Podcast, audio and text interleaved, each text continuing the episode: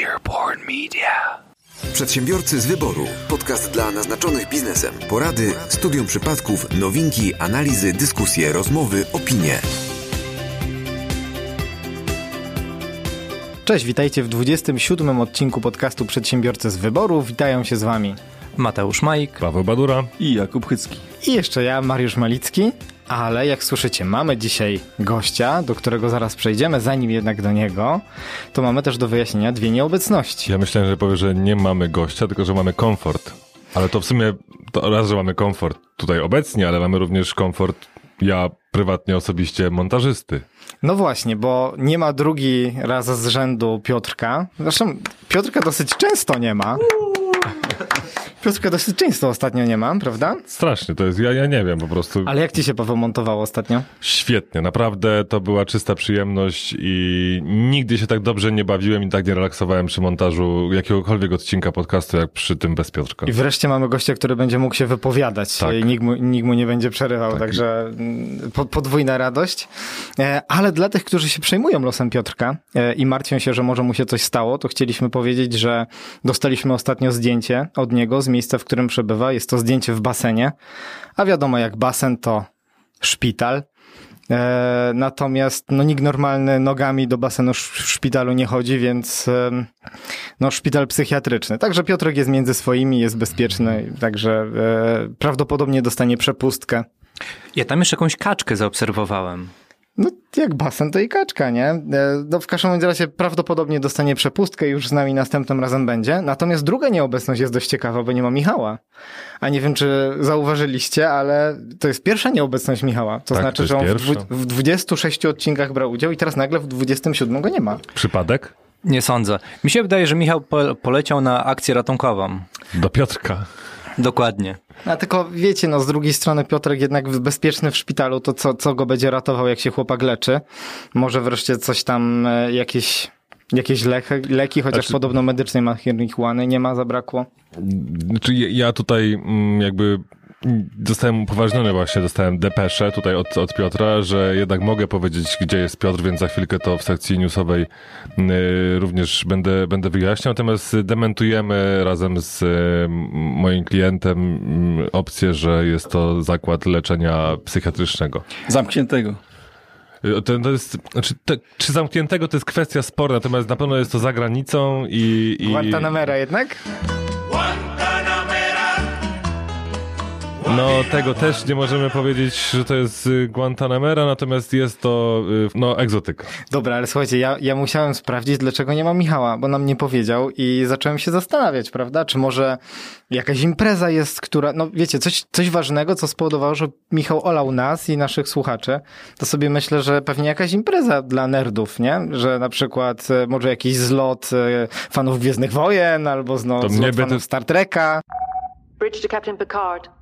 Go ahead. E, no w każdym razie niczego takiego nie znalazłem. E, znalazłem jakąś premierę jakiejś gry karcianej, fantazy, może to, ale z drugiej strony Michał jest przedsiębiorczy, nie? Więc pewnie znalazł kogoś, kto marznie za niego mm, i wyczekuje w kolejce, ale zacząłem szukać świąt. No bo przecież może jakieś święto nas naprowadzi, prawda? I moi drodzy, dzisiaj są następujące święta. Po prostu, po pierwsze Światowy Dzień Uśmiechu, ale to mógłby świętować w sumie z nami, nie? Więc my sobie dzisiaj będziemy świę- świętować. Po drugie Światowy Dzień Zwierząt. No, No, ma królika. To, to bardziej Piotr. E, no tak. A Michał ma królika, ale do domu ma też blisko ze studia, więc chyba nie. E, to też bym raczej wykluczał. Poza tym mamy Dzień Pokoju i Pojednania w Mozambiku. Blisko, ciepło, ciepło, Prawda? Mariusz, ciepło. To już, to już tak. Jest Dzień Niepodległości Lesoto. Parzy, parzy. To też gdzieś tam.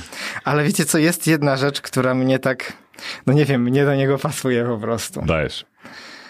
Dzień Wojsk Kosmicznych Federacji Rosyjskiej.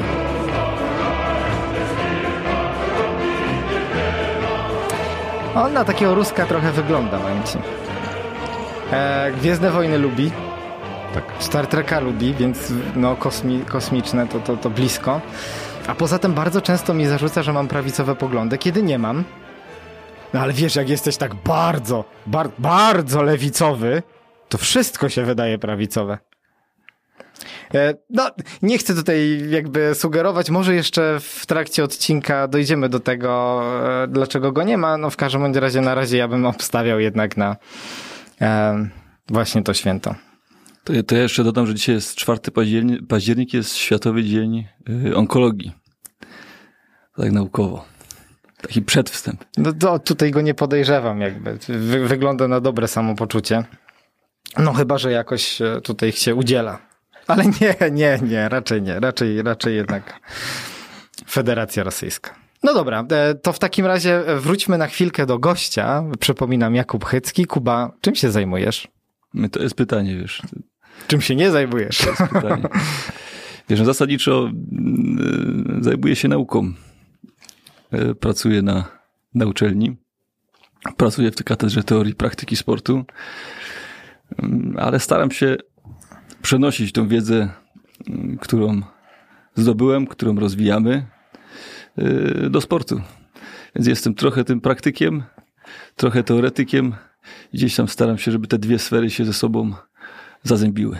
Tak myślałem, że Kuba będzie skromny, więc ja troszeczkę pomogę go przedstawić. Kuba jest doktorem nauk o kulturze fizycznej, co jest ważne z perspektywy naszego tematu dzisiejszego odcinka, e, bo ma prawo się w nim wypowiadać. Jaki to jest temat, to zaraz, e, zaraz przedstawię. Natomiast oprócz tego jest trenerem przygotowania fizycznego i współpracuje z wieloma znanymi pięściarzami, takich, których ja kojarzę, a pewnie jest ich znacznie więcej. To jest Tomasz Adamek, Adam Kownacki, Łukasz Wierzbicki i ostatnio Michael Hunter. To tak, to są te ostatnie nabytki, tak. No właśnie, więc raczej nie będziemy tutaj e, trudnych pytań zadawać Kubie, bo ma duże zaplecze, więc nie będziemy ryzykować tutaj jakichś Ja chciałem powiedzieć, że razu zgadzam się ze wszystkim, co powiedział nasz gość i to jest w ogóle super człowiek, znamy się już jakieś 15 minut, ale po prostu polecam wszystkim i naprawdę mega gość. A ja wam powiem tylko takie dwie ciekawostki, którymi muszę się po prostu podzielić. Po pierwsze, niedawno mieliśmy odcinek z Mateuszem Gawełczykiem i jako, że on też wykłada na EWF-ie w Katowicach, tak jak Kuba, no to zapytałem Kubę, a znasz w ogóle go? Mówi tak, no kiedyś by, byłem jego wykładowcą. Także e, mamy teraz, e, mieliśmy ucznia, teraz mamy mistrza.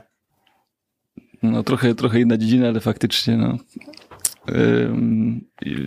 Jak Gawełczyk na imię? Y, Mateusz. Mateusz, Mateusz, tak, tak. To przed paru, pa, przed paru laty, jak kończył, kończył, kończył studia, już widziałem te aspiracje, że gdzieś tam chcę brnąć dalej w tą naukę. No, był wybijającym się studentem, no i jak się okazało, I trafił Poszedł na tą wyżynę, poszedł tak. na, do, do podcastu Przedsiębiorcy z Wyboru, także. A oprócz tego chciałem się pochwalić, e, bo to ludzie się lubią chwalić e, znanymi znajomymi. Jak Jakubę znam, to jest mój kolega z e, podstawówki. Ale z drugiej strony chyba nie ma się czym chwalić, bo od podstawówki się nie widzieliśmy. Na szczęście jest Facebook i jakieś tam namiastki relacji mogliśmy się nawzajem obserwować od jakiegoś czasu, no i mogłem zaprosić ku uciesze pewnie e, naszych słuchaczy, no i ja, nie, ja, ja dosyć szybko z tej podstawówki po prostu wyszedłem.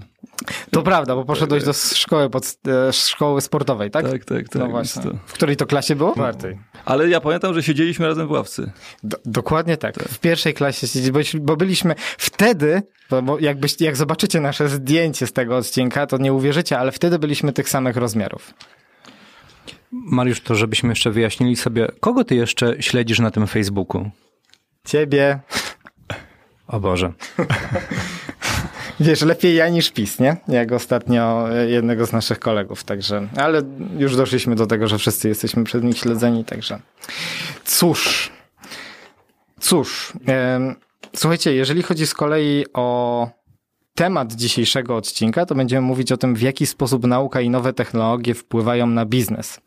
Jakie szanse dla biznesu stwarza właściwie ich rozwój. A będziemy o tym mówić oczywiście pod kątem specjalizacji naszego dzisiejszego gościa, ale zanim to, to newsy. Co macie panowie na dzisiaj? Przedsiębiorcy z wyboru. Podcast dla naznaczonych biznesem. To, to, to ja może w takim razie e, odpakuję tą depeszę od Piotra. Od Piotra. Ojej, no to super, już się nie mogę doczekać. Tak, to, y, to jest taka, taka depesza półrozrywkowa, półpoważna, bo no, możemy już oficjalnie tutaj powiedzieć, ponieważ y, ta misja tajna Piotra podczas publikacji tego y, odcinka już będzie zakończona. Więc jakby możemy tutaj troszeczkę e, oficjalnie e, mówić. E, co, co, co ciekawe, również w tej depeszy zawarte jest na końcu pytanie do gościa, ale to sobie zostawię do, do, do, do, do momentu, aż przejdziemy szczegółowo do, do omawiania naszych tematów związanych z naszym gościem.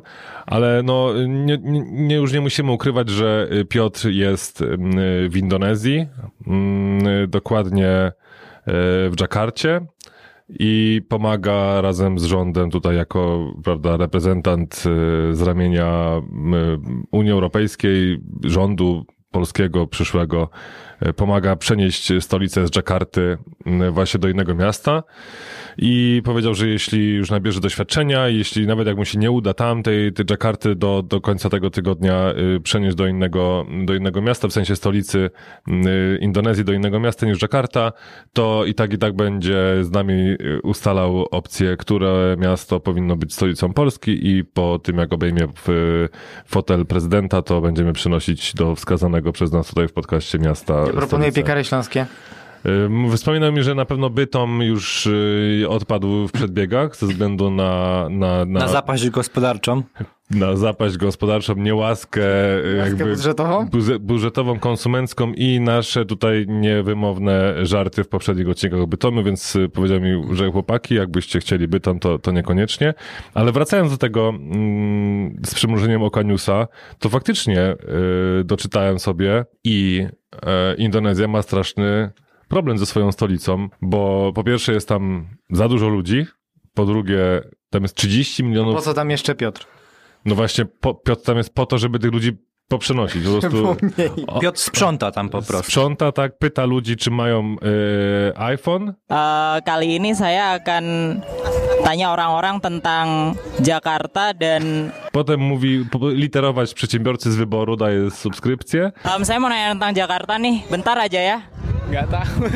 Oh, oh, dari mana? A potem prosi ich, żeby przenieśli się do innego miasta. I tych e, takich zapytań jest dosyć sporo, bo aktualnie e, w Dżakarcie mieszka 30 milionów e, ludzi, a przez badania wskazują, że przez najbliższe 20 lat przybędzie kolejne 10 milionów. E, No i głównym, główną przyczyną tego, tej potrzeby przeniesienia tej z stolicy i z całego rządu siedziby organizacji rządowych do innego miasta jest po prostu korki, smog, powodzie. Miasto znika momentami, jest bardzo często e, zalewane. E, No i tutaj doczytałem również jeszcze, że niekoniecznie Warszawa jest w tyle, jeśli chodzi o polskie stolice i długość metra, bo w Dżakarcie jest pół linii metra. No to super, to, ale mi ulżyło, ktoś ma gorzej. Tak, ktoś ma gorzej, tak także... typowo po polsku. Tak, typowo po polsku ktoś ma gorzej, także naprawdę ja nie miałem y, jakby mm, wyobrażenia wcześniej co do tej sytuacji, która tam panuje. To faktycznie tam musi być niezły, mm, kolokwialnie mówiąc, rozpiździel, ale również y, tutaj w tym artykule, który do tego dotarłem, jest y, informacja, że TomTom, to ci od nawigacji, y, zbadali w ogóle najwolniejsze i najbardziej zakorkowane miasta na świecie, no i Jakarta jest na miejscu trzecim, na e, drugim jest Bangkok, a na pierwszym, jak strzelacie? Nowy Jork? Mexico City. Si? Si, Cinco de Mayo. Także tam mają Cinco de Mayo cały czas, więc to jest najbardziej zakorkowane miasto na świecie. Także Piotrze, życzymy powodzenia. Właściwie to ja już z tobą rozmawiałem, e, także mm, no, o efektach w najbliższym odcinku będziecie mogli I byłaś z posłuchać. tego basenu. Przedsiębiorcy z wyboru. Podcast dla naznaczonych biznesem. Dobra, no jak jesteśmy już yy, po jednej depeszy, to teraz przejdziemy do depeszy numer dwa. Tym razem, no wiecie, Michał sobie troszkę lepiej radzi z czy troszkę. Michał sobie radzi z technologiami, w przeciwieństwie do, do Piotra, więc y, depesza w formie audio, więc już tutaj mm, mogę odtworzyć y, z kasety, A nie z telegazety. a nie z telegazety. Piotrze, nigdy nie wysyłaj plików audio do telegazety, nawet szczególnie SMS-em, bo wtedy to już w ogóle nie działa. Więc teraz nagranie Michała. Szum, który słychać w tle, to odgłos e, fal rozbijających się o złocisty piasek. Z tego miejsca chciałbym bardzo gorąco pozdrowić naszych słuchaczy, szanownego gościa oraz współprowadzących. moje nagranie potraktujcie jako próbę naprawy tego odcinka w sferze wyłomu w naszej serii, jakim jest oczywiście brak mojej skromnej osoby w studio. No a jeśli już o naprawach mowa. To 1 października Komisja Europejska przyjęła nowe prawo, właśnie prawo do naprawy i zgodnie z jego zasadami do kwietnia 2021 roku e, wybrane sprzęty AGD gospodarstwa domowego będą musiały być produkowane w taki sposób, żeby móc być naprawianymi bez większego problemu, tak? Nawet producenci przez 70 lat będą mieli dostarczać do tych sprzętów części zamienne. No i haczyk tkwi w tym, że na liście tych rzeczy, które są objęte tym prawem, są takie rzeczy jak lodówki, pralki, zmywarki, telewizory, mm, jakieś silniki elektryczne, transformatory, no całkiem tego dużo. No ale jest też lista właśnie niestety rzeczy, które nie są objęte tym prawem, no i są to m.in. laptopy, smartfony czy odkurzacze. Czyli jak wskazują eksperci, sprzęt, który nam się psuje dość często, no i właśnie który jest najczęściej tymi elektrośmieciami. No i w związku z tym pytanie do Was, taka kwestia, jak często Wam się zdarza albo naprawiać tego typu sprzęt, e, jakie macie z tym doświadczenia? Czy mimo tego, że teraz to jest trudniejsze, to idziecie w kierunku napraw, czy raczej idziecie na łatwiznę, czyli do sklepu i nowy e, telefon? Jeśli macie jakieś swoje uwagi tutaj, to też z chęcią je przyjmę. No a ja tymczasem widzę, że tutaj na plaży obok mnie ląduje helikopter Piotra, ładuje się do środka i zmykamy na partyjkę golfa. Siema i do usłyszenia za tydzień. No i w pizdu i wylądował. I cały misterny plan też w pizdu. Bardzo mnie zastanawia to, że e, to, co się stało na końcu, że przelatuje e, Piotrek helikopterem i idą razem jeździć golfem. W sensie on tego golfa miał przy sobie? Czy, czy z tego helikoptera on wyjechał tym golfem? Czy Piotr ostatnio do mnie dzwonił i strasznie bełkotał. Ja mówię, co się stało. On mówi, kurwa, helikopter, Mariacka, będę żygał. I się rozłączył, także to może chodziło o ten helikopter. Zdejm koszulę,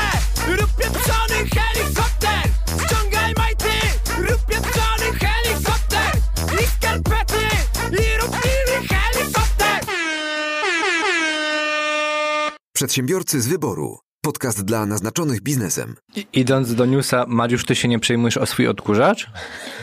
Wiesz co, e, ja ostatnio wymieniłem odkurzacz w ogóle, więc mam, mam teraz właściwie dwa. A co zrobiłeś ze starym? Aha, nie, mam dwa, go dalej, masz dwa. Mam okay. go dalej, tak. No, jest pewien sentyment, prawda? Do tego drugiego odkurzacza. Słabo ciągnął. Pierwsza miłość nie rdzewie, jak to mówią. A czy powiem wam, kurwa, że no niestety trafiłeś. trafiłeś, kupiłem sobie dużo mocniejszy odkurzacz. Naprawdę, 750 W. Bo mam psa. I tamten nie wciągał jego sierści. A ten wciąga. Okej, okay, to już odkurzacze mamy za sobą, ale temat właśnie choćby mm, kom, no, komórek, nazwijmy to, czy, czy smartfonów bardziej. No ja się spotkałem z tym problemem jakiś czas temu, kiedy mój iPhone padł, niestety. To iPad był. No, iPad, tak. Był i i później padł. No i niestety, pierwsze co to, w ogóle to się zdarzyło na wakacjach we Włoszech, więc pierwsze co poszedłem do, do autoryzowanego salonu, czy salonu tak naprawdę, e, zapytać się. Z Włochami ciężko było się dogadać, ale jakoś się udało. No i stwierdzili po jakiejś tam kolejce, że podepną mi moje urządzenie do ich magicznego sprzętu, no i na pewno wy, wykryje jakieś błędy, nie? To jest prawie takie samo podejście ser, serwisów, jak w przypadku nowych aut, gdzie jedziecie na serwis. Tam rzadko kiedy są mechanicy, są osoby, które podpinają kompu do komputera e, auto, no i jeśli wyskoczą błędy, no to trzeba coś naprawić, wymienić, jeżeli nie, to nie. No i dokładnie ta sama sytuacja była właśnie z iPhone'em, z tym, że żadnego błędu ich magiczny system nie wykrył. Może miałeś polskie błędy, a to włoska maszyna była. O, całkiem możliwe, więc stwierdziłem, ok, tym tropem wróciłem z wakacji, idę do polskiego autoryzowanego już serwisu. E, stwierdzono bliżej nieokreśloną usterkę Mm, Najprawdopodobniej trzeba było wymienić albo procesor, prawdopodobnie coś w tym stylu. No i wskazali, że to będzie koszt około 500 zł plus jeszcze naprawa, więc zamkniemy się tam w 600-700 zł. No i to było już moim zdaniem mało opłacalne, patrząc na naprawianie tego typu sprzętu, ponieważ no, nie ukrywajmy, w abonamencie ten telefon nie jest, nie jest aż tak drogi i e, rozkładając go na raty po prostu można mieć nowe, więc mimo tego, że staramy się być eko, no to w tym przypadku no, zrezygnowałem z tej formy i zakupiłem po prostu nowe. Mm, Ja mam takie, o taką obserwację, że ja jestem już nie telefonicznym, co za, za, zauważył ostatnio Piotr w jednym z bloopersach, co się znajduje, że zamieniłem iPhone'a na Nokia. E, ale jestem użytkownikiem e, produktów Apple, jeśli chodzi o komputery i u nas w firmie praktycznie już teraz chyba, no już wszyscy mają y, tej marki komputery. I zauważyłem, że to jest bardzo duży jakby recykling, bardzo inaczej, bardzo łatwo sprzedać. Ja chyba czekałem 3 lub 4 dni od y, ogłoszenia o, o, o sprzedaży poprzedniego laptopa. E, także to jest coś, co ma długą żywotność i sądzę, że y, w ogóle, co, co zrobiłeś z tym iPhone'em? W sensie Sprzedałeś y, tego uszkodzonego? Nie, na razie leży w szufladzie, ale mam zamiar sprzedać. I sądzę, że też nie będzie dużego problemu, bo, bo te sprzęty naprawdę nawet już albo uszkodzone, albo, albo kilka generacji do tyłu też trzymają cenę, więc to nie ma problemu. On jest w idealnym stanie, tylko coś tam padło w środku. Idealny stan tylko nie działa. No, system nie działa, czy tam coś w środku. Okej, no, no więc y, jakby to są rzeczy, które są albo ciężko naprawialne, albo nie- nieopłacalnie naprawialne. Wyjątkiem w sumie mo- można powiedzieć, że są faktycznie te, te sprzęty z, z jabłuszkiem, ale ja w sumie i nawet patrząc na, na telefony dzieci, to większość rzeczy, które te, chodzi o telefony, to, to większość tych poprzednich modeli, które wymieniali albo uszkodzili, albo rozwalili, albo cokolwiek się z nimi stało, to zawsze udawało się sprzedawać, więc tutaj jakby to, to drugie życie produktu jest, jest zapewnione. Y, Jeśli chodzi o, o inne sprzęty, no nie przypominam sobie, żebym coś naprawiał tak, żeby, żeby to naprawić i to utrzymać, bo niekiedy tak m, Mateusz wspominał, że koszt niekiedy jest, jest większy, ale są też ludzie, którym to się, to się opłaca. Nie wyrzucam, staram się nie wyrzucać tego typu sprzętów elektronicznych, tylko je puszczać w drugi obieg, albo nawet oddawać za darmo, zamiast wysyłać na śmietnik. Mnie ostatnio padła zmywarka. Taka. A dostałeś już nową, nową? Jak Tak, czekałeś, tak, już, to- już, już, jest, dostałem. już tak, jest, czekałem okej. dwa tygodnie, ale w końcu dostałem.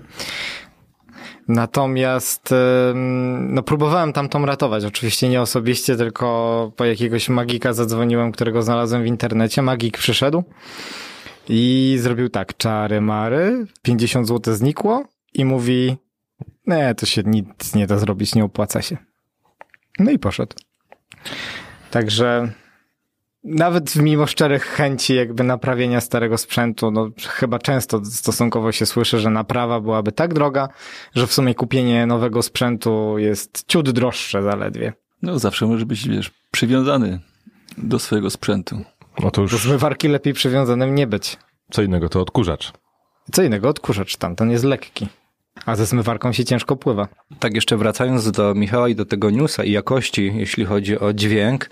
Ostatnio tak przesłuchując tego newsa przypomniało mi się, że parę dni temu dosyć mocny wiatr wiał w Polsce, nie? I tak się zastanawiam, gdzie Michał jest. Być może on jest na swoim rekreacyjnym ogródku działkowym obok Sosnowca. W skrócie RODOS. No tak, tylko wiesz, no z drugiej strony e, w Rosji są dużo, duże płaskie tereny. E, rakiety startują raczej właśnie z takich miejsc, gdzie i- wieje. Ja, ja nic nie sugeruję, nie? Ale przypadek? Przedsiębiorcy z wyboru. Podcast dla naznaczonych biznesem. Dobra, to ja jedę za ciosem, bo jeszcze mam nawiązanie. Pamiętacie, jak mówiliśmy o kryptowalucie Libra od Facebooka? Mhm. No to stoi pod znakiem zapytania, ponieważ e, też poruszaliśmy ten temat, że tutaj i rządy państw europejskich, i rządy Stanów Zjednoczonych obawiały się tej wa- waluty i że będą jakieś regulacje i czuły jakby oddech na, na plecach, jeśli chodzi o kontrolowanie swoich, mm, swoich finansów. No i po tych wszystkich ostrzeżeniach Visa i Mastercard powiedziały dyplomatycznie, że muszą jeszcze raz przemyśleć kwestię, czy uczestniczyć w tym projekcie. No a bez dwóch takich dużych graczy sądzę, że Facebookowi będzie mm, bardzo często, bardzo, bardzo trudno cokolwiek e, ugrać, więc prawdopodobnie Libra będzie albo bardzo małym projektem, albo w ogóle nie ujrzy światła dziennego. Takie nawiązanie do tego, o, o czym mówiliśmy jakiś czas temu. No to smutne, ale to jakby idąc dalej, patrząc na most, e, kolejny gigant e, amerykański Netflix, co się dzieje? Urząd Skarbowy we Włoszech działa skuteczniej niż ten w Polsce. Najprawdopodobniej. Dlaczego? Ponieważ stwierdzili, że Netflix jest na tyle dostatecznie materialnie obecny we Włoszech, że powinien również we Włoszech odprowadzać podatki. Czego nie robi. No i Urząd Skarbowy zaczął ścigać, można powiedzieć wprost, Netflixa, żeby uiścił podatki, które zalega. To nie jest pre precedens, jeśli chodzi o tego typu sytuacje, bo dokładnie ta sama sytuacja miała miejsce z firmą Gucci, która się zgodziła zapłacić e, ugodę w wysokości 1,25 miliarda euro za podatki za okres 2011-2017, ale patrząc nawet na amerykańskie firmy, dokładnie ta sama sytuacja miała wcześniej z Amazonem, z, mm, z Googlem, które musiały faktycznie starać się w, jaką, w jakiś sposób wypracować ugodę z włoskim organem, organem ścigania. No i widać, że Włosi mają pewnego rodzaju patent na ściąganie pieniędzy i być może łatanie dziury budżetowej, która na pewno rośnie równie szybko jak i u nas. W Polsce nie potrzebują takich e, ruchów, bo mają przedsiębiorców. Ale właśnie, zejdźcie trochę z nas i wejdźcie na jakieś Netflixy, spróbujcie. Taka sugestia. No to podrożuje abonament. Przynajmniej we Włoszech na Netflixa. A, to, wydaje mi się, że na, naoglądali się House of Cards i Domu z Papieru i zaczęli, zaczęli kozaczyć. Na Netflixie. Na Netflixie, oczywiście. Na koncie y, rodzinnym, bo na, w południowych Włoszech rodziny są bardzo liczne. To tam też... Z mammą. Miją. U boku. Przedsiębiorcy z wyboru. Podcast dla naznaczonych biznesem. Tak jak mówimy o dużych amerykańskich firmach, e, dowiedziałem się ostatnio, że jest taka kampania e, marketingowa e, Burger Kinga i McDonalda. Właściwie no, ona nie jest wspólna, ale jest wspierana jedno przez drugie. To już dzieje się od 2017 roku, no, ale się ostatnio mm, po jednym, jednym z artykułów, w jednym z artykułów się dowiedziałem o tym i wydaje mi się bardzo fajne, bo zwykle słyszy się, że tam McDonald's, Burger King, Pepsi, Coca-Cola, no raczej się zwalczają w reklamach. W Stanach robią sobie takie reklamy, w których nawet nie ukrywają, z kogo się naśmiewają i robią sobie takie przytyczki. A tutaj raz w roku McDonald's ma taką akcję, że na chore dzieci, na raka, a propos Światowego Dnia Onkologii. chore dzieci na raka za każdego sprzedanego cheeseburgera, tak? Czy tam... Big Maca? Czekaj, ja już, już patrzę. Jakąś kanapkę z McDonalda w każdym razie. Tak, no w każdym razie właśnie jakąś kanapkę z McDonalda i dają tam dwa, dwa dolary za każdą na, na taki szczytny cel. I wtedy w Burger Kingu jest akcja bez łuperów. Czyli nie da się kupić łupera, po to tylko, żeby McDonald's mógł sprzedać więcej swoich kanapek. Strasznie fajna sprawa. I ten wizerunek y, trzymających się za ręce tak, Ronalda tak. McDonalda i króla, tak, z Burger Kinga. To jest, też by to urzekło. Także dobra, dobra akcja. Takie kampanie lubimy. Lubimy. To są e, dobre kampanie. Tak. Jeszcze im brakuje oczywiście do Poczty Polskiej, ale... Są na dobrej drodze. Przedsiębiorcy z wyboru. Podcast dla naznaczonych biznesem. Ja mam newsa, który zanim odsłuchaliśmy tej depeszy od y, Michała, to miałem podejrzenie, dlaczego dzisiaj Michała może nie być w odcinku. Jak myślicie, czy rzucenie jednej łupinki słonecznika na ziemię to jest coś, za co można iść przed sąd? Pewnie zależy gdzie. Powinno. Tak. I tak też się stało. W Szczecinie podczas y, właściwie po meczu y, Pogoń Lech sąd skazał kibica za rzucenie na ziemię jednej łupinki słonecznika i w orzeczeniu tego sądu można było usłyszeć, że sąd uznał, że zachowanie pana Sławomira miało cechy znacznej szkodliwości. Tego Sławomira? Możliwe, że tego. Zachowanie pana Sławomira sceniczne na pewno ma cechy znacznej szkodliwości niekiedy, ale również ten sąd, sędzia uzasadniła, że gdyby tak każdy rzucał łupinki na chodnik, to miasta tonęłyby w brudzie. Sąd wymierzył kibicowi naganę za, za zanieczyszczenie miasta. To najniższa kara za takie wykroczenie, a wyrok nie jest prawomocny. To już jest, co ciekawe, drugie postępowanie pana Sławomira w tej sprawie, bo wcześniej sąd ukarał go grzywną w wysokości 100 zł, ale mężczyzna właśnie odwołał się od tamtego wyroku, stąd ten proces, w którym został, została zasądzona nagana. A może on siał? Trzeba było Ale sprawdzić. to była łupinka tylko Czyli pusta była. Sprawdzili to. mm, Chyba tak, to jest śledczy, śledczy pewnie wzięli pod uwagę wszystkie okoliczności i nie stwierdzili pestki, jednak samą łupinkę, więc nie można było mówić o, o sianiu. Zresztą na chodniku cięż, cięż, ciężko się sieje. Ciężko, ale wiesz, no, to, że jeszcze się nikomu nie udało. Nie oznacza, To nie znaczy, że pan Sławomir nie mógł być pierwszym. No właśnie. Przedsiębiorcy z wyboru. Podcast dla naznaczonych biznesem. Gdyby pan Sławomir chciał w jakiś sposób zaoszczędzić na wymierzoną karę, lokując swoje środki na lokatach długoterminowych, to w obecnej sytuacji nie miałby zbyt dużego pola manewru i zbyt dużo by raczej nie zarobił. Dlaczego o tym wspominam? W sierpniu tego roku średnia, średnie oprocentowanie, patrząc na banki w Polsce, wyniosło najniższą w historii stopę procentową w wysokości 1,34%. Jak myślicie, co to, raczej po pierwsze dla mnie to jest abstrakcyjne, bo patrząc na kwestie związane z mm, e, inflacją, to jest, będzie na poziomie około 3%, tak? Czyli e, w, jeżeli dajemy pieniądze na lokatę, no to nawet one nie zabezpieczają tego, że tracą na wartości. Tym bardziej, że to mówimy o lokatach długoterminowych, lokatach rocznych. Natomiast e, jak myślicie, co jest powodem takiej sytuacji i tak niskich stóp procentowych, patrząc na właśnie lokatę?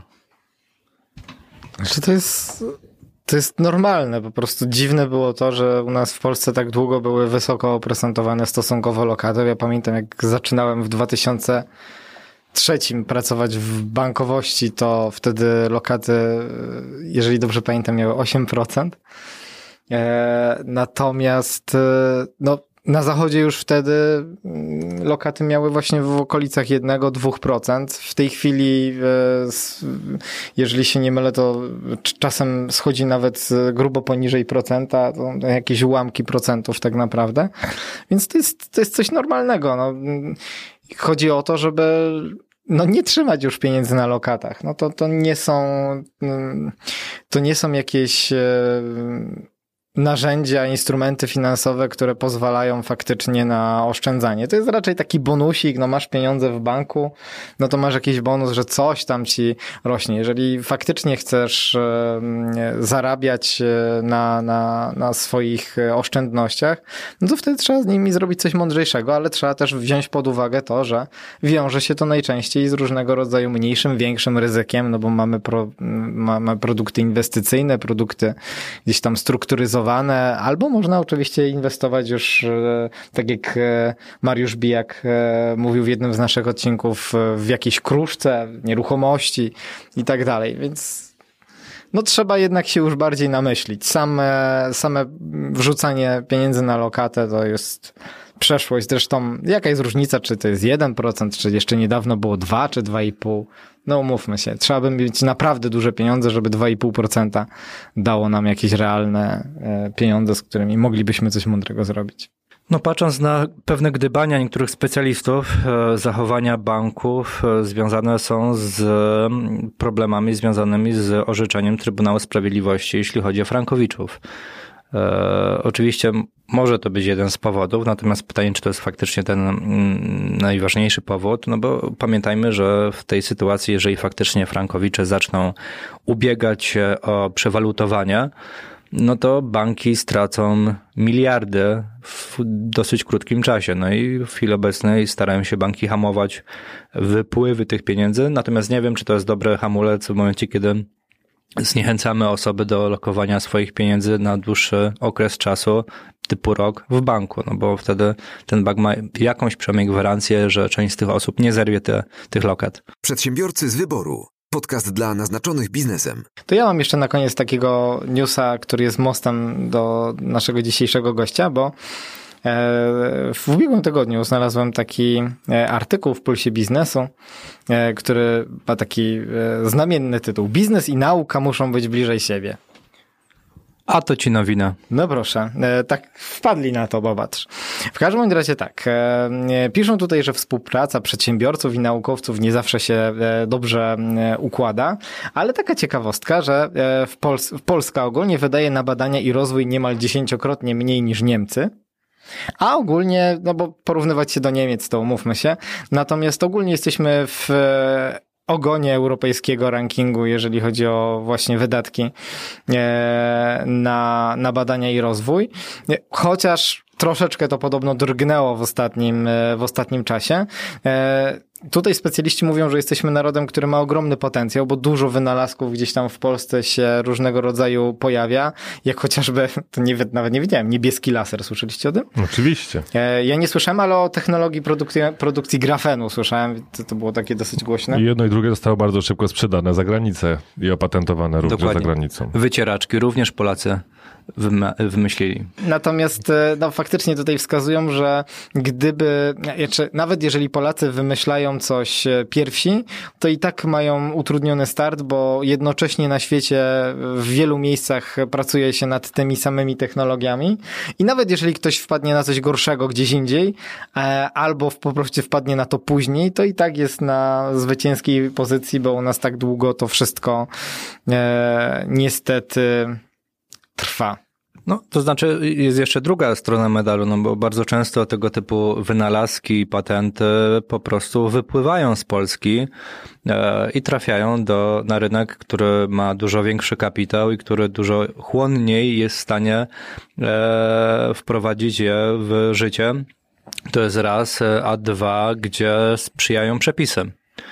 No, patrząc na, na rynek polski, przynajmniej moim zdaniem, te przepisy dotyczące mm, własności intelektualnej, dotyczące e, właśnie wynalazków, na, nazwijmy to przede wszystkim naukowych, nie są na najwyższym poziomie. No i być może warto coś z, z tym też zrobić. Szkoda, że Polska nie potrafi e, zarabiać jakby e, na takich e, pomysłach. E, jak jest jak, jak to jest u ciebie, Kuba? Też zgadzasz się z tym, że faktycznie ten start w Polsce jest bardzo utrudniony w porównaniu do zagranicy? Na pewno się zgadzam z tym, że ten transfer tak dokładnie przebiega.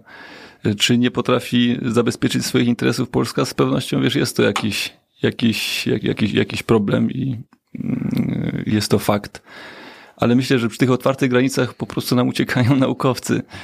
Wiesz, i to, czy oni to będą patentować w Polsce, czy będą to patentować e, na świecie, czy będą to patentować na rynkach, które mają większe zapotrzebowanie nie na dany produkt, na dany wynalazek, wiesz, to, to, jest, to, to jest ta przyczyna.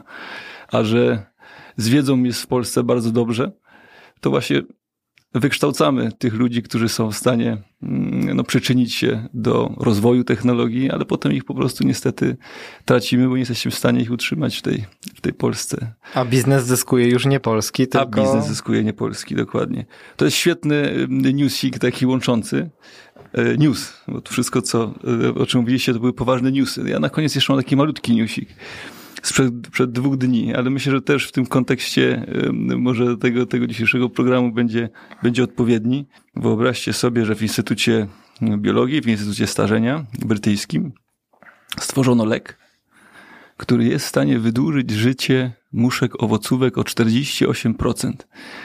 No i to wydaje się, że, że w tą stronę też idzie ten sport. W tą stronę idzie e, też rozwój tej technologii. W tą stronę idzie e, rozwój no, takich racjonalizowanych środków no, dla poprawy jakości życia, które są związane z aktywnością fizyczną, które są związane z, z, z, produkowaniem leków, które są związane z nadzorem nad żywnością i racjonalnym odżywianiem. To wszystko, słuchajcie, dąży tylko do jednego, żebyśmy się zdrowo starzeli. Jak ta muszka owocówka. Znaczy, powiem ci, jak, jak mówisz, że zdrowo się starzeli, to my ostatnio sobie zrobiliśmy zdjęcia aplikacją. Jak ona się nazywała? FaceUp. FaceUp, właśnie. No i. To ta radziecka aplikacja. Właśnie, a czy to nie Michał nam ją pokazał? O, o, Mm. chyba tak. Michaił. Michał, no tak. Okej, wszystko jasne, dobra. W każdym bądź razie e, ja zobaczyłem, jak będę wyglądał, no i będę wyglądał jak stary żul. E, także muszę, muszę się wziąć za siebie. E, Młody żul, stary żul, no przecież nie możesz tak się, wiesz, zmieniać drastycznie. E, dobra, ale Kuba, bo teraz powiedziałeś o e, tym zdrowym starzeniu się, e, a jak rozmawialiśmy o tym, e, jak, e, o czym będziemy jakby rozmawiać podczas odcinka, to podałeś e, trzy takie terminy, które ja już sobie przeglądałem w internecie, ale myślę, że e, warto je odczarować. Mianowicie oprócz healthy aging, czyli rozumiem to, co przed chwilką jakby wyjaśniłeś, jeszcze dwie. Telemedycyna i medycyna personalizowana. Możesz coś więcej o tym powiedzieć? Znaczy to wszystko się zazębia ze sobą, tak? Yy, Chcemy zachować zdrowie, chcemy się zdrowo starzeć, yy, to utożsamiamy to z czym? Utożsamiamy to no, z jakąś prewencją, prawda? Utożsamiamy to z aktywnością fizyczną, ale ona będzie tylko wtedy skuteczna, kiedy będzie personalizowana i to wiemy teraz przy tym statucie wiedzy. Yy, Myślimy o żywieniu, Mieliście program dedykowany i też sporo mówiliśmy na ten temat, że, że no tutaj ona musi być dedykowana, ona musi być personalizowana, ona musi być gdzieś tam dopasowane, uszyte na miarę. No i inne takie czynniki środowiskowe, bo też każdy różnie mm, reaguje na zanieczyszczenia, na nikotynę, na alkohol. No i wiecie, no z tego można stworzyć bardzo zaawansowane modele, yy, yy, które są w stanie nam te, te, te, te, te działania kompleksowo, no właśnie spersonalizować, są w stanie no, powiedzieć. Dla ciebie optymalnym rozwiązaniem jest odżywianie się w taki, a nie inny sposób, aktywność fizyczna taka, a nie inna, masz prawdopodobieństwo wystąpienia takich chorób i powinniśmy obudzić się właśnie w tym wieku 30-35 lat, żeby, y, żeby sobie to prawdopodobieństwo mm, życia w zdrowiu zwiększyć. No i to nam ta współczesna wiedza, wiedza daje. A gdzie, gdzie taka to normalna osoba, szara jak ja, e, mogłaby się udać, żeby coś takiego jakby otrzymać? No bo rozumiem, że śledzenie blogu, feed blogów y, nie jest rozwiązaniem, no bo tutaj dostajesz rozwiązanie dla mas de facto. Jedzcie zdrowo, jedzcie owocki i tak dalej. Nie? Znaczy, za, to, za, zawsze jak gdyby dążymy do generalizowania tych wniosków, wiesz, no bo to, to do tego nauka dąży, tylko jakby wiemy dzięki temu, że no, dysponujemy zaawansowanymi narzędziami diagnostycznymi w tej chwili, że to bywa bardzo trudne. Yy, Ale zadałeś świetnie pytanie, no jakby wcześniej nie rozmawialiśmy w ogóle na ten temat, yy, rozmawialiśmy bardzo lakonicznie, ale mm, rusza na Śląsku program. rusza na, na Śląsku program, yy, dostaliśmy, otrzymaliśmy, no, uczelnia, Akademia Wychowania Fizycznego otrzymała takie finansowanie z Regionalnej Inicjatywy Doskonałości na stworzenie programu, no właśnie profilaktyki zdrowego starzenia. No i ruszamy od, z Nowym Rokiem, chyba w marcu będzie, będzie początek tej inicjatywy i przez 3-4 lata ludzie będą mogli uczestniczyć w wykładach, będą mogli uczestniczyć w darmowej diagnostyce, będą mogli uczestniczyć w zajęciach i będą mogli zostać wdrożeni do kierunkowych eksperymentów, jeżeli tam spełnią, spełnią określone warunki. Ale najistotniejsze są te trzy pierwsze punkty, że będą mogli właśnie dowiedzieć się i będą mogli przebadać się no właśnie w tych takich newralgicznych tematach, które nam personalizują i dopasowują ten nasz, nasz styl życia aktywny, te nasze żywienie. Zajęcia będą odnosiły się do, do, do zagadnień związanych ze stresem, tym stresem środowiskowym, tym stresem wysiłkowym. Więc bardzo, wydaje się bardzo ciekawa inicjatywa, która, która może rozwiać twoje, twoje wątpliwości. Byle dożyć i, i potem... Byle dożyć do marca. Znaczy, to jest e, super pomysł, bo tak naprawdę lepiej zapobiegać niż leczyć, tak? A patrząc na e, otaczające nas społeczeństwo, coraz bardziej starzejące się, e, te już, które zbliża się do tego wieku, raczej już nie ma, nie jest szansa, żeby zapobiegać, tylko już jest leczenie. A jeśli chodzi o, o tego typu obszar, no to z tym też jest problem patrząc na geriatrię, ale nie, nie wchodźmy jakby tak głęboko w ten temat. Właśnie, jeśli chodzi o ten program, mówisz, że rusza niebawem. W jaki sposób można się do niego zgłaszać? że on będzie do- dosyć, mam nadzieję, będzie widoczny lokalnie, będzie, będzie promowany. W tej chwili jesteśmy na etapie tworzenia takiego dużego portalu właśnie dla beneficjentów, też jakby dla, dla naukowców, ale przede wszystkim dla ludzi, którzy będą chcieli po pierwsze zdobyć rzetelną wiedzę. Taką wiedzę, która jeszcze raz podkreślę, jest rzetelna w tych w sferach, które, które dotyczą zdrowego e, starzenia, ale też zobaczą, jaki jest ten program, jaki jest, jest cykl wykładów, jaki jest cykl zajęć. Mm, Sam program, jak gdyby, nie ma być konkurencją dla mm, innych ośrodków, które, które proponują e, różne zajęcia związane z aktywnością fizyczną, czy różne zajęcia związane no, z z uświadamianiem e, w aspektach żywienia. Przede wszystkim ma być takim, takim rzetelnym pośrednikiem tego transferu te, tej wiedzy naukowej przez duże S i tej wiedzy, która może być wdrażana, zrozumiana przez osoby, przez osoby starzejące się. Super. E, Tutaj Mariusz jakby zaczął ten news od tego, że współpraca na linii biznes i nauka no nie jest taka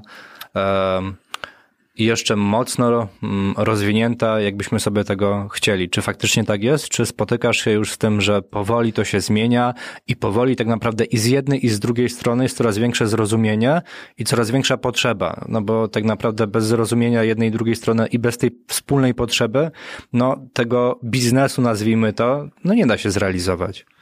Nie, już to wszystko zależy no właśnie jak, jak na to patrzymy. Czy patrzymy przez pryzmat hi, historii, przeszłości, czy patrzymy przez pryzmat innych krajów e, bardziej rozwiniętych.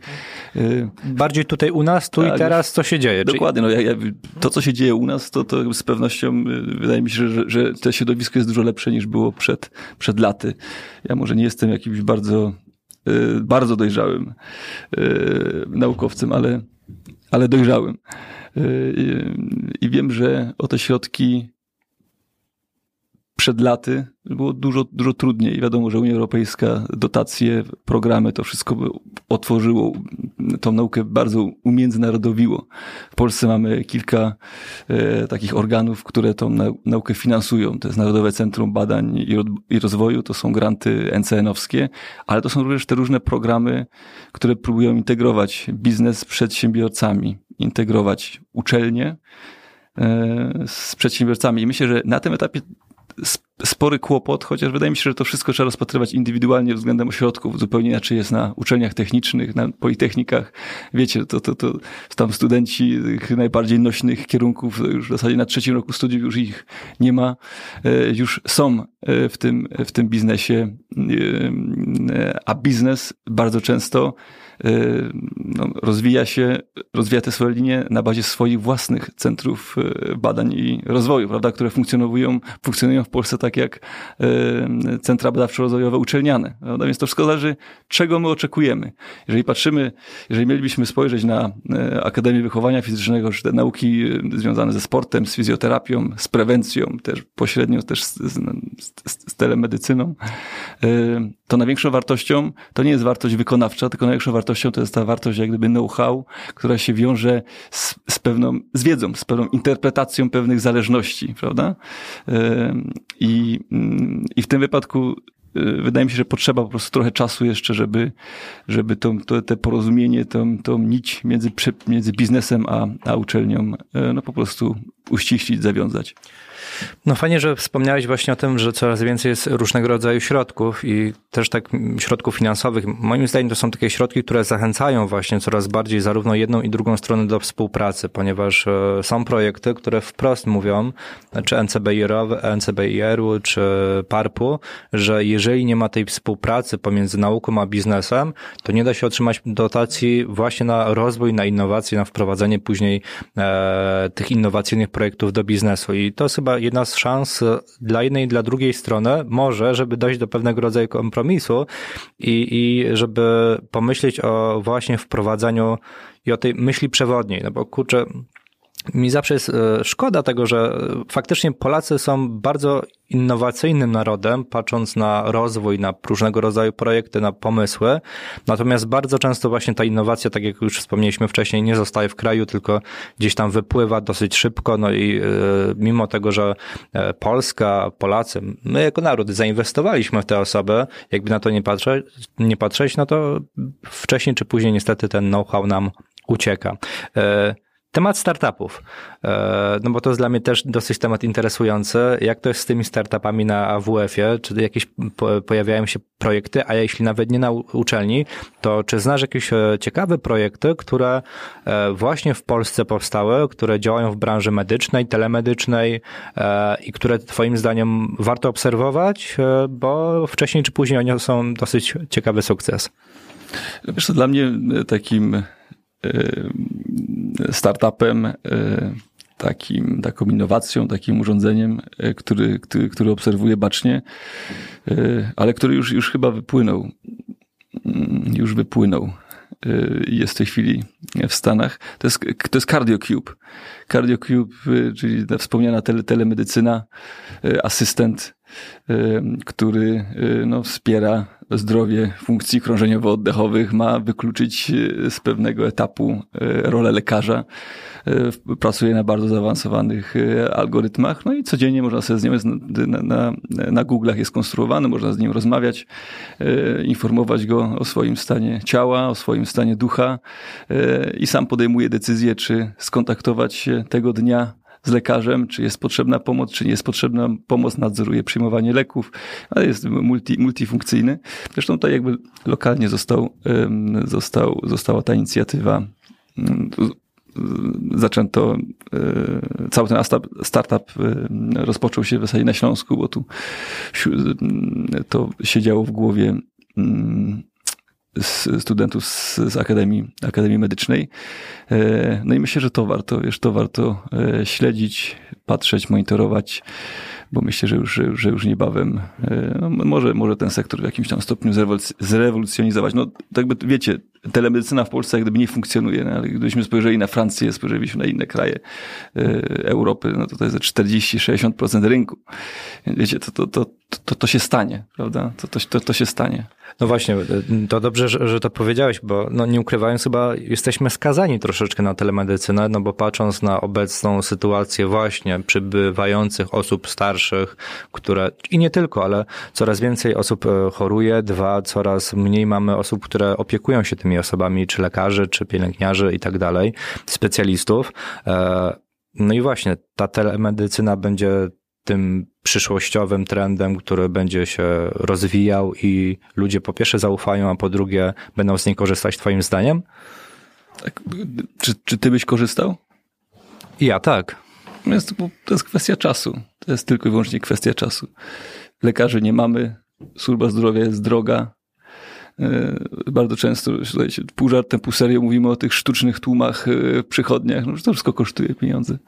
To jest kwestia czasu, więc e, jestem, jestem przekonany. No tylko też jakby tu musi być to wsparcie, yy, wsparcie polityczne, żeby ten proces przyspieszyć, a żeby go nie, nie spowalniać. No, jest to w interesie każdego. To, to jest kwestia mentalna po prostu. Musimy do tego dojrzeć mentalnie.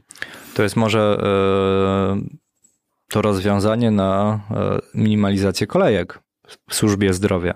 To jest to rozwiązanie, dokładnie zamiast zamykać szpitale. Będziesz, e, wiesz, w polskiej wersji telemedycyny będziesz dzwonić i jesteś 15 w kolejce. Przedsiębiorcy z wyboru. Podcast dla naznaczonych biznesem. E, nie, a teraz tak poważnie, Kuba, e, bo powiedziałeś o różnego rodzaju grantach, o e, jakichś tam możliwościach, dotacjach z Unii i tak dalej. A czy często nauka sięga tutaj po pieniądze biznesu, czyli jakby po różnego rodzaju sponsorów i tak dalej? No to wiesz, to tak troszeczkę funkcjonuje też w tych grantach, bo jeżeli mówimy o tych dedykowanych projektach NCBierowskich, no właśnie to te, te, te wszystkie spółki spin-offowe na uczelni, wiesz, to, to się musi wiązać z jakimś kapitałem y, przedsiębiorców, tylko że w tym modelu to, to biznes przychodzi do y, uczelni, bardzo często uczelnia pokazuje, czym dysponuje, biznes się zastanawia, jakby to mógł wykorzystać, przeznacza na to część środków 50%, no i drugie wtedy mamy, mamy mm, z, z NCBIR-u, rozpisujemy projekt i, i realizujemy go, więc jakby to się musi na, takiej, na takich relacjach y, i w takim związku rozwijać. Okej, a na ile biznes może być tak naprawdę e, czasem przeszkodą? Bo czasem dochodzą mnie takie informacje, e, to głównie właśnie z branży medycznej, że są już jakieś wynalazki, które, czy, czy, czy leki, które pozwalałyby wyleczyć jakiegoś raka albo, czego, albo coś, ale ze względu na to, że e, to się nie opłaca e, biznesowi, to jest to w jakiś sposób blokowane. Spotkałeś się z czymś takim? Znaczy, wiesz, no to już jest, to już jest... To już jest teoria spiskowa trochę, no ale... No, to też nie, to, to już jest polityka, wiesz. To jest, to jest właśnie biznes i to jest polityka. Czyli w interesie kogo jest to, żeby ta wiedza się nie urzeczywistniała, prawda? Możemy już tutaj dać taki, tak, taki przykład, yy, który pewnie daje trochę do, do myślenia. Gdybyśmy spojrzeli na, yy, na środki, które finansują zatrważającą większość badań, na przykład tego potentata jak Pfizer, to jak wam się wydaje, co te nowe badania kliniczne i projekty finansuje? Środki z jakiego, z powstania jakiego leku e, w przeszłości są tym głównym źródłem finansowania tych współczesnych badań, jak wam się wydaje? Penicyliny? Insulina. Insulina finansuje 80% badań, wiesz, no to jeżeli mamy tylu cukrzyków, mamy tylu ludzi, którzy y, cierpią na zespół metaboliczny, mamy tylu otyłych ludzi, y, którzy, którzy tą insulinę kupują, którzy y, dzięki nim jesteśmy w stanie finansować jakby in, inne leki, to też musi troszkę minąć czasu, żeby sobie przenieść ten środek ciężkości.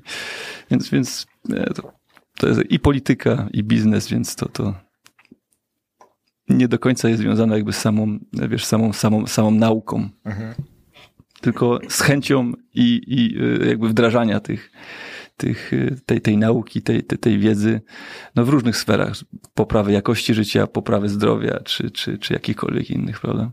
No tak, pewnie to jest podobnie jak z korporacjami paliwowymi, nie? które gdzieś tam blokują e, powstawanie nowych źródeł energii i tak dalej. Ha, to ja jeszcze mam jedno pytanie z, podwó- z podwórka. Ale, ale, gdyby, ale gdybyśmy chcieli, e, przepraszam cię bardzo, ale gdybyśmy chcieli doszukiwać się teorii spiskowych, to też możemy zobaczyć, ile kapitału e, z, tych, z tego biznesu farmaceutycznego jest w, jest w biznesie spożywczym.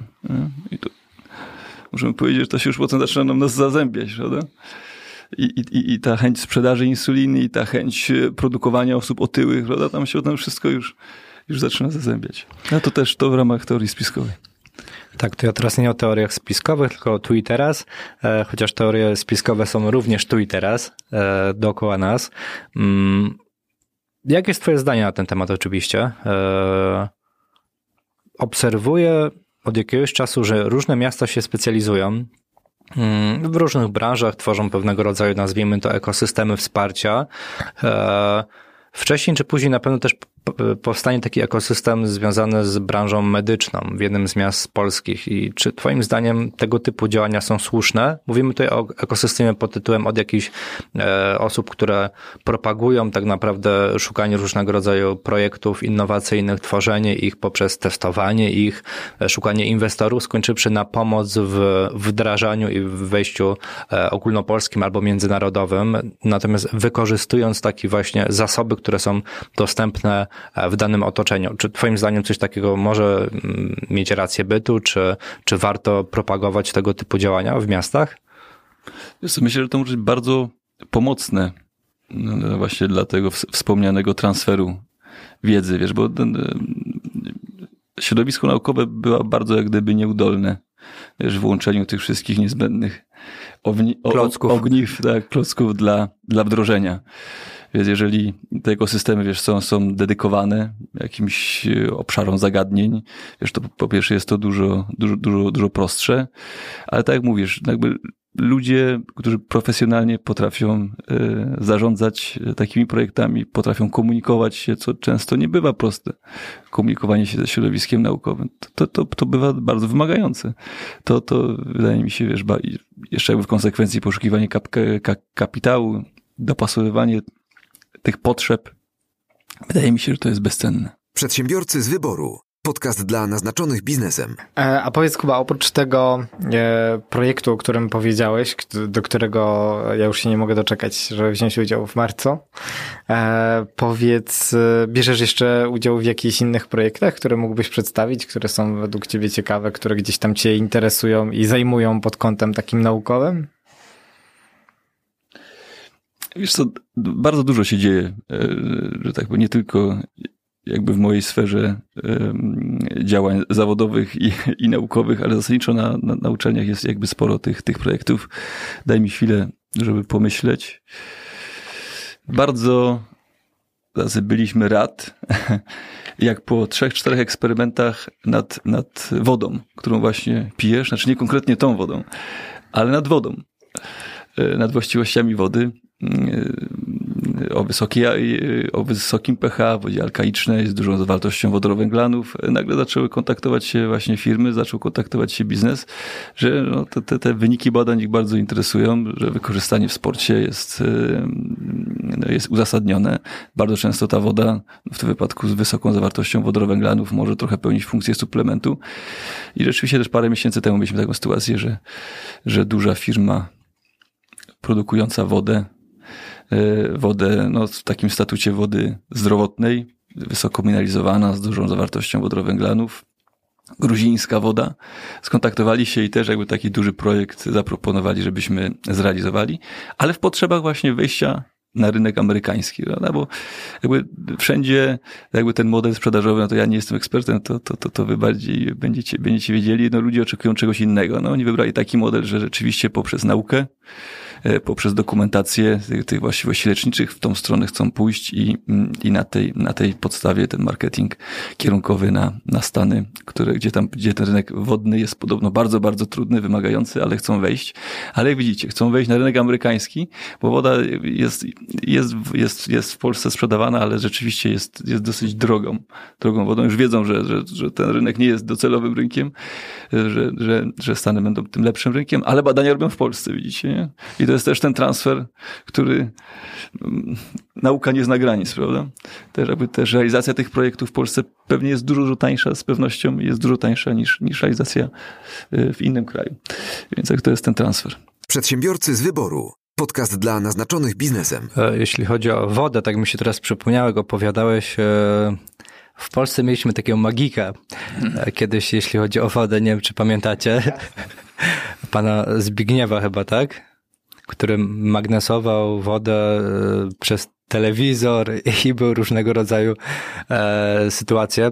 Mm, Możemy to wyciąć. Na... Też w Rosji był e, Kaszpirowski, ale to Michał by ci powiedział. Michaił Kaszpirowski. Michał.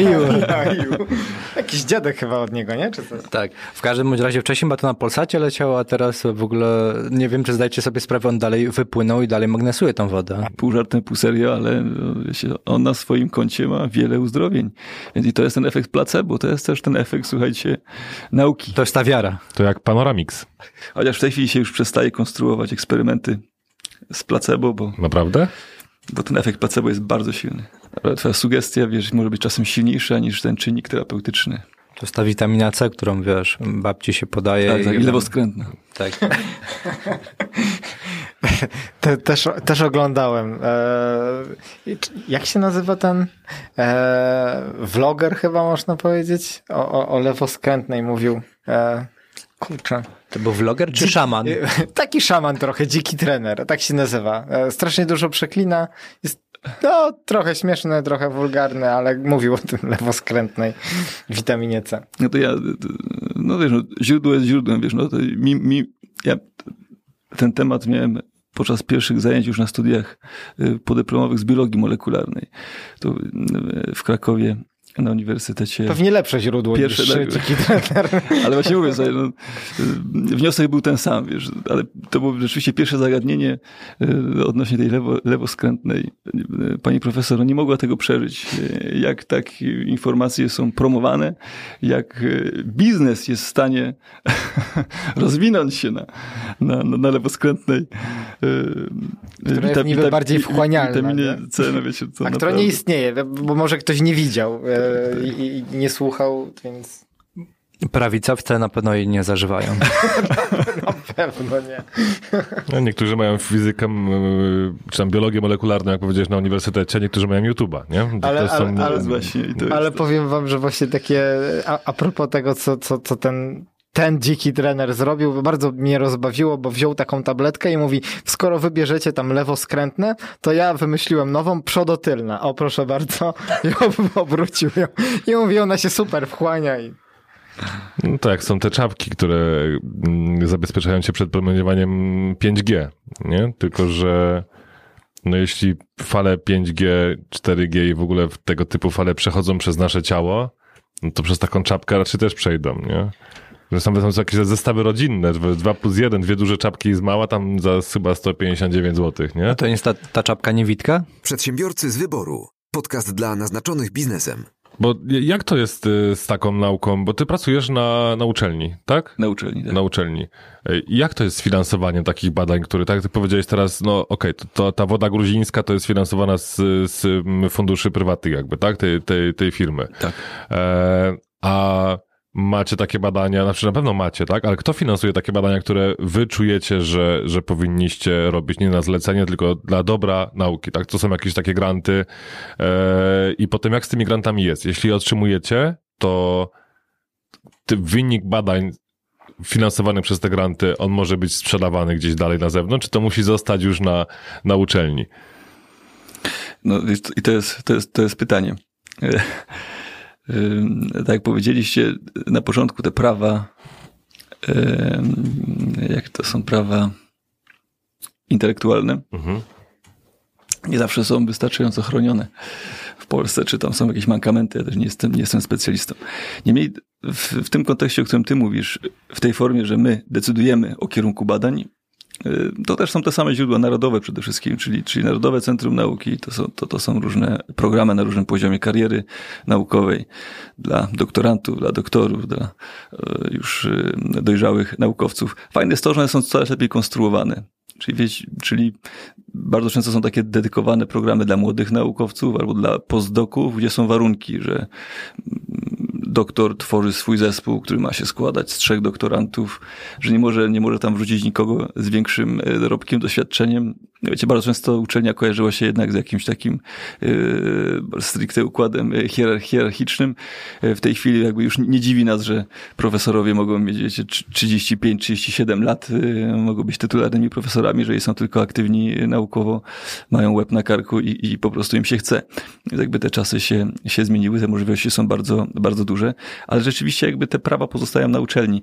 Pewnie mogą być, wiesz, w jakimś stopniu potem sprzedawane, no właśnie transferowane, y, tylko że żeby one mogły być sprzedane, no to trzeba z tym wyjść do tych przedsiębiorców, bo wydaje mi się, że kłopotem jest, jest, jest to, że jeżeli nie ma takiego zainteresowania kierunkowego biznesu, że on dokładnie wie, co chce, to też bardzo dużo tej wiedzy, wiesz, bardzo dużo tej technologii, bardzo dużo tych, tych potencjalnych patentów zostaje na tej uczelni, wiesz, i one tak sobie, To w archiwum sobie leżą, tak? sobie leżą, wiesz, a to się, a, a To był świetny projekt, mamy świetne wyniki. Tak, tak. Będziemy mieć tutaj do, nie wiem, do czego, do pamiątkową fotkę i uścisk rektora. Więc pewnie wiesz, to w zależności od jednostki naukowej jakby in- inaczej jest to zorganizowane.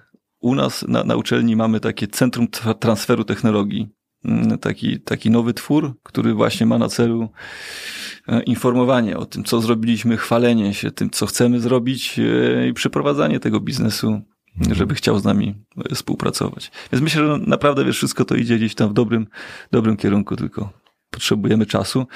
No i też, że- żeby nam się środki nie skończyły, bo, bo, bo, bo oczywiście te środki unijne były bardzo dużym zastrzykiem w aspekcie tworzenia centrów y, badawczo-rozwojowych. To były spore, spore, spore środki. Zresztą też bardzo często w tych dyrektywach unijnych było, mm, były wskazania, y, w jakim składzie te konsorcja naukowe międzynarodowe mają funk, funk, funkcjonować, prawda? Więc y, my zawsze byliśmy w tej mniejszości, tak jak przytoczyliście na początku, tych środków stosunkowo mało e, wykorzystywaliśmy, więc były wskazania, że, że w tych składach muszą się znaleźć Polacy, muszą się znaleźć no, jakby inne, inni naukowcy, no właśnie, żeby one miały pełni ten charakter międzynarodowy i żebyśmy na tym skorzystali. Ja tak powiem od drugiej strony, bo e, my z Mateuszem ostatnio sporo współpracujemy z różnymi startupami. Zdarzają nam się e, współpracę właśnie z naukowcami. No i widzimy jakby tą, e, tą dużą potrzebę, bo mają często rewelacyjne pomysły, ale totalnie nie są biznesowo ubrane. I zdarza się tak, że przychodzi do nas przychodzi do nas no, naukowiec, który ma pewien pomysł, ma to ubrane jakoś tam biznesowo, ale po współpracy pracy takiej miesięcznej wychodzi jakby z zupełnie innym biznesowym pomysłem, nie? I tutaj e, akurat mieliśmy okazję współpracować z takim Kubą jednym, a twoim imiennikiem, a nie z tobą. Ja też, ja też do was przyjdę, mam dużo pomysłów. Zapraszamy.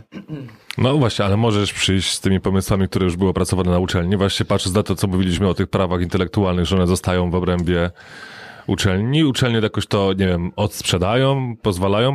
Bo ja tutaj, to już kiedyś rozmawialiśmy e, niejednokrotnie tutaj z, z chłopakami, że w Stanach to jednak te uczelnie pilnują, żeby to był biznes, tak? Powstają firmy, które są którymi głównymi udziałowcami tych firm są właśnie uczelnie. Nie? I one, wiesz, one wychodzą do biznesu. Wiesz, to tak, to, to tak też funkcjonuje, tylko e, za tymi uczelniami to też muszą stać, e, stać ludzie, prawda?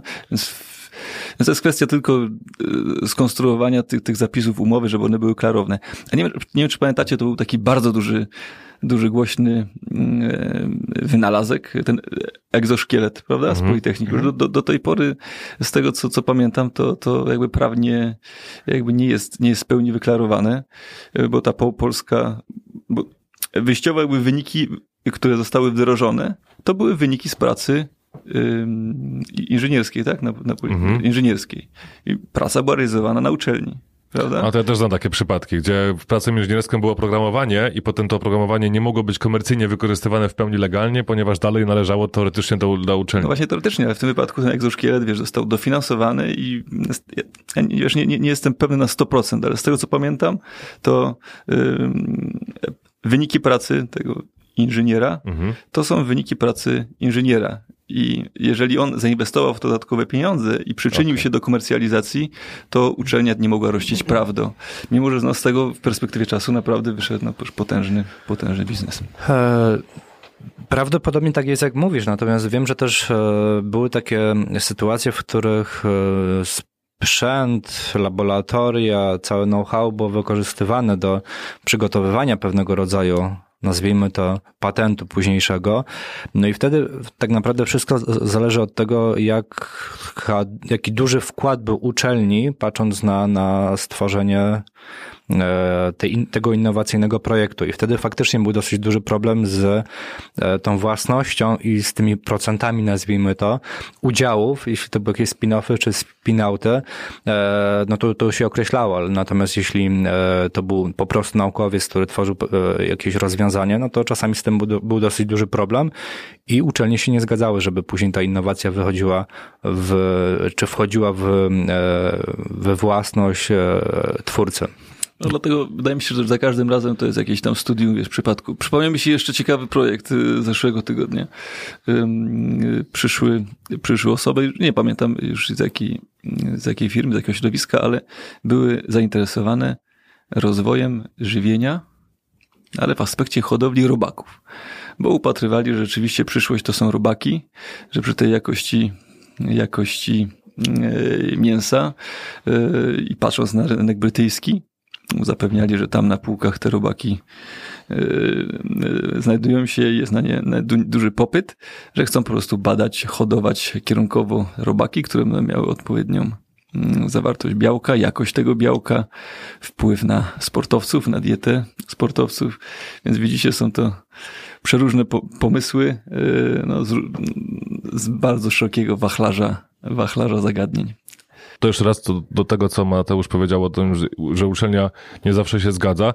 No pół biedy, jeśli ona chce z tym zrobić coś dobrego, a nie schować właśnie do szafy, nie? Bo jeśli to faktycznie te badania, ok, nie zgodzimy się, bo nie, tak? Bo, bo nie będziemy ci dawać drogi studencie możliwości wyjścia do biznesu, ale my z tym nic nie zrobimy, no to, to tutaj się robi kiepsko. Przedsiębiorcy z wyboru. Podcast dla naznaczonych biznesem. Dobra, e, Kuba, to e, przejdźmy troszeczkę do, do, do, tego drugiego tematu, bo trudno o niego nie zahaczyć mimo wszystko. E, mianowicie Jak w ogóle stało się, że teraz współpracujesz, tradujesz no, z takimi no, bardzo znanymi nazw nazwiskami w świecie boksu? Już nie tylko polskiego, ale też światowego. No to też pewnie nie jest, nie, jest, nie, nie jest proste pytanie. Pewnie wiele czynników się musiało złożyć na to, że tak się to wszystko po, poukładało. Y, z pewnością ten sport to, to dla mnie jest taka właśnie funkcja wykonawcza tego, co robię na uczelni, tego, co zdobyłem na uczelni w aspekcie wiedzy, doświadczenia, a potem wszystko to jakby sprawdziłem, zweryfikowałem w sporcie. Y, Dlaczego, y, dlaczego teraz z takimi zawodnikami? Pewnie tą trampoliną bezwzględnie dla mnie był, był, był Adamek. E, Ale też musiałem się sprawdzić z tym Adamkiem mm, przez te trzy, trzy lata, że gdzieś tam spojrzeli, docenili i uznali, że, wie, że to rzemiosło, że te narzędzia e, mogą pomóc i, mm, i innym mm, zawodnikom. Wiadomo, że mówimy o sporcie na wysokim poziomie, na najwyższym poziomie. E, A przekonany jestem, że tam szalenie istotna jest taka, taka cecha, która się wiąże ze zdolnością do podejmowania ryzyka. Że w dużym sporcie musisz być w stanie podjąć e, ryzyko w różnych działaniach treningowych. Nie możesz pracować asekuracyjnie. E, Więc myślę, że, oni też jakby poprzez doświadczenie trenerów kalkulują e, większe prawdopodobieństwo wyników dla swoich zawodników, więc to, to, to jest taki, taki właśnie mechanizm. Zawsze studentom opisuję to na takim wykresie, wiesz, jak mamy okrąg i wszystko, co jest w środku tego okręgu, to jest ta, ta wiedza, którą oni potrzebują do swojego rzemiosła. I ta wiedza jest multidyscyplinarna, bo to w sporcie ona jest multidyscyplinarna. Oni nie są ani biomechanikami, ani fizjologami, ani genetykami, ani biologami, ani psychologami, ale muszą być trochę e, każdym z nich, wiesz. Tylko, że ta wiedza, ta nasza dyscyplina naukowa, z racji tego, że jest multidyscyplinarna, też bardzo dynamicznie się rozwija, wiesz, i ten okrąg cały czas się poszerza. I o ile nauka przez duże N, takie Nobel Prize jest właśnie na granicy, czyli na granicy tego, co wiemy, czego nie wiemy, to w tym rzemiośle trenerskim e, ta, ta zdolność do podejmowania ryzyka, czyli podejmowania jakichś działań niestandardowych, jak wiesz, nie odtwarzania schematów, tych, które są w środku tej wiedzy, to też wydaje mi się klucz do tego, żeby się sprawdzić w tym sporcie na, na wysokim poziomie. I myślę, że to jest taki, wiesz, e, mechanizm, który... A powiedz to, e, oni znaleźli ciebie? Wiecie, to, są, to jest jak w biznesie. he? To jest jak w biznesie, to jest jak, jak, jak w życiu, wiesz, to, to yy, przez Tomka Adamka, przez to środowisko, tak naprawdę w Polsce przez, yy, przez Mateusza Borka, bo to, bo to on gdzieś tam mnie wyszukał na początku do, do, tego, do, do tego sztabu, no to poznałem bardzo dużo ludzi, yy, sporo wyjeżdżałem do, do, do Stanów, poznałem to, to środowisko, ale nie jest bardzo, bardzo liczne, no tak naprawdę byśmy policzyli w- w kilkunastu osobach, w kilkunastu trenerach na, na świecie, ty, ty, tych głównych, którzy trzymają ten boks. Jak się wiecie, jak się ich pozna, jak się nawiążą relacje, jak ktoś komuś pasuje, jak trener pasuje zawodnikowi, to wydaje mi się st- strategiczne. Z pierwszej, z pierwszej kolejności ko- kompetencje, że, że tak powiem, e, ale nie mam, nie mam problemu mm, z, z byciem zbyt skromnym. E, To w pierwszej kolejności będą kompetencje, a, a, w drugiej kolejności myślę, że to będą takie, wiecie, do, dopasowanie. Relacje, zawodnik się musi dobrze komunikować. mm, A po prostu. czym się teraz e, bardziej zajmujesz? Bardziej cię zajmuje e, czasowo e, praca jednak z e, pięściarzami, Mhm. czy bardziej jednak e, no, kariera naukowa? Ja tak nigdy tego nie, nie rozgraniczałem. Wiadomo, że są takie okresy, które są bardziej, mniej wymagające. Te obozy są, e, są tyle wymagające, że zwykle trzeba wyjeżdżać. Bardzo często się odbywają no, za granicą. Szczególnie jak, jak, jak walki są za granicą, to też chce, się uniknąć tego elementu, wiecie, aklimatyzacji. Zawsze jest w, w boksie jest problem z tym, że potrzebni są sparring partnerzy. Trudno ich przekonać, żeby przyjechali do, do zimnej Polski. Też wiąże się to z większymi kosztami, trzeba ich tylko trzeba zakwaterować, zamknąć, dać jeść, wypuszczać na ten ring. Jest to tam dużo, dużo, dużo prostsze, też dużo więcej jest tych, tych, tych, tych topowych zawodników. W Las Vegas na przykład, tam gdzie, tam, tam, gdzie mieszka Mike.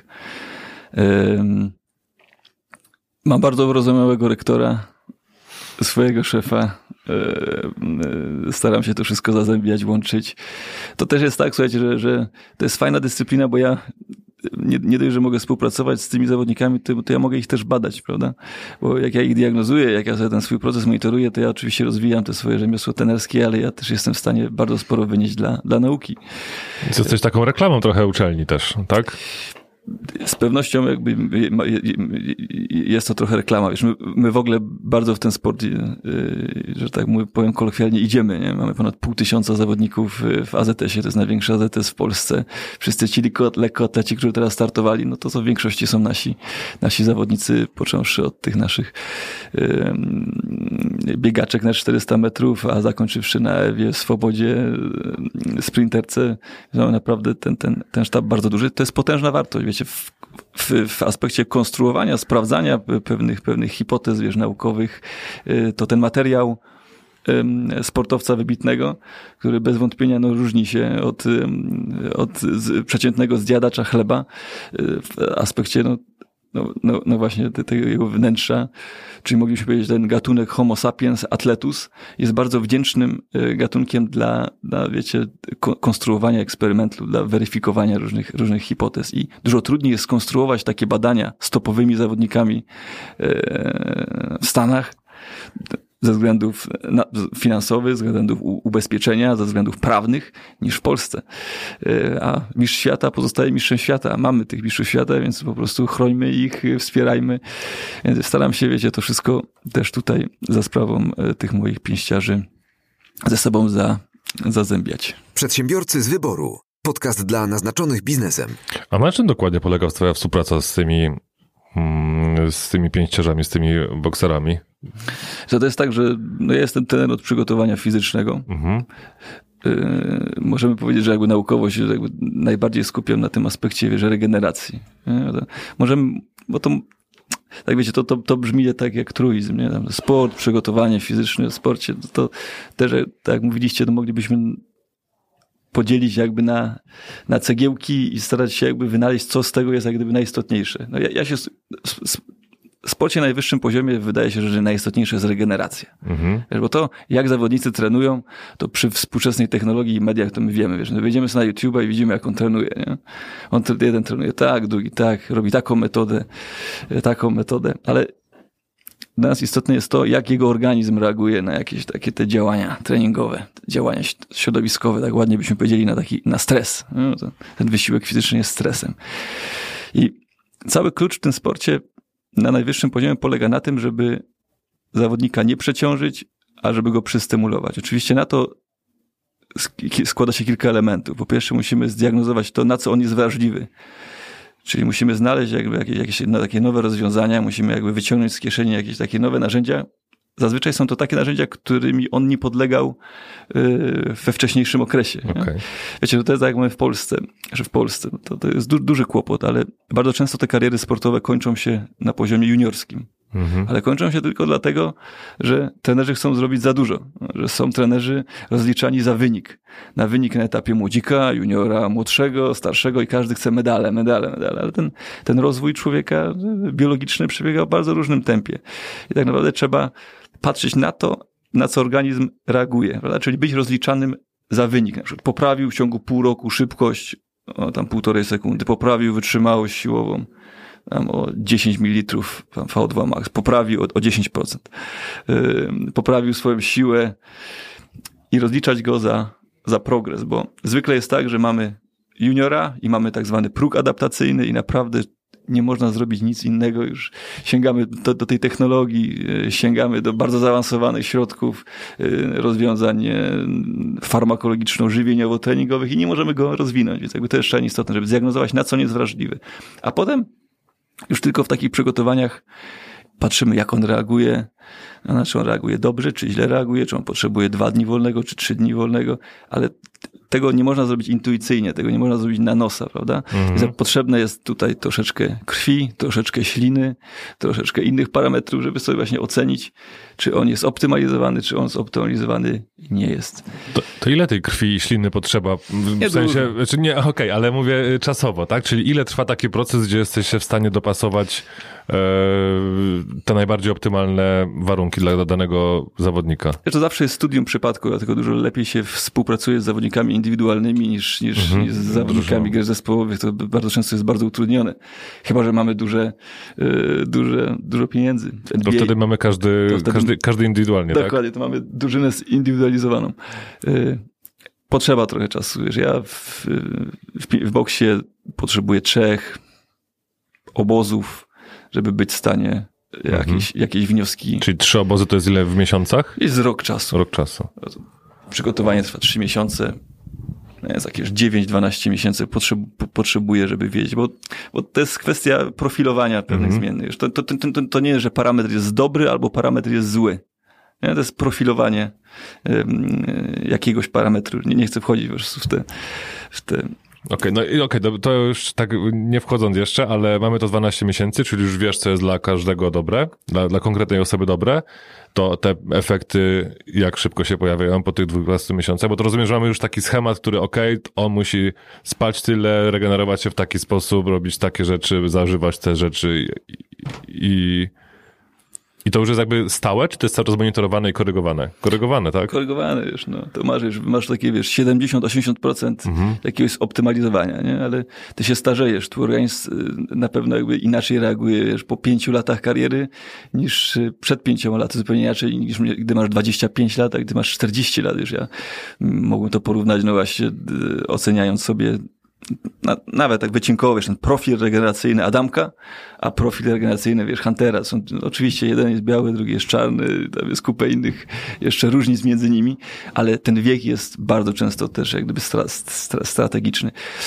W ogóle jakby sporty wiesz, walki są bardzo wymagające, bo mi się bardzo podobało, jak ostatnimi, ostatnimi czasy po, po tym wielkim swoim sukcesie, sukcesie mm, w, w triatlonowym, mm, jak on się nazywa, ten, ten nasz mistrz świata?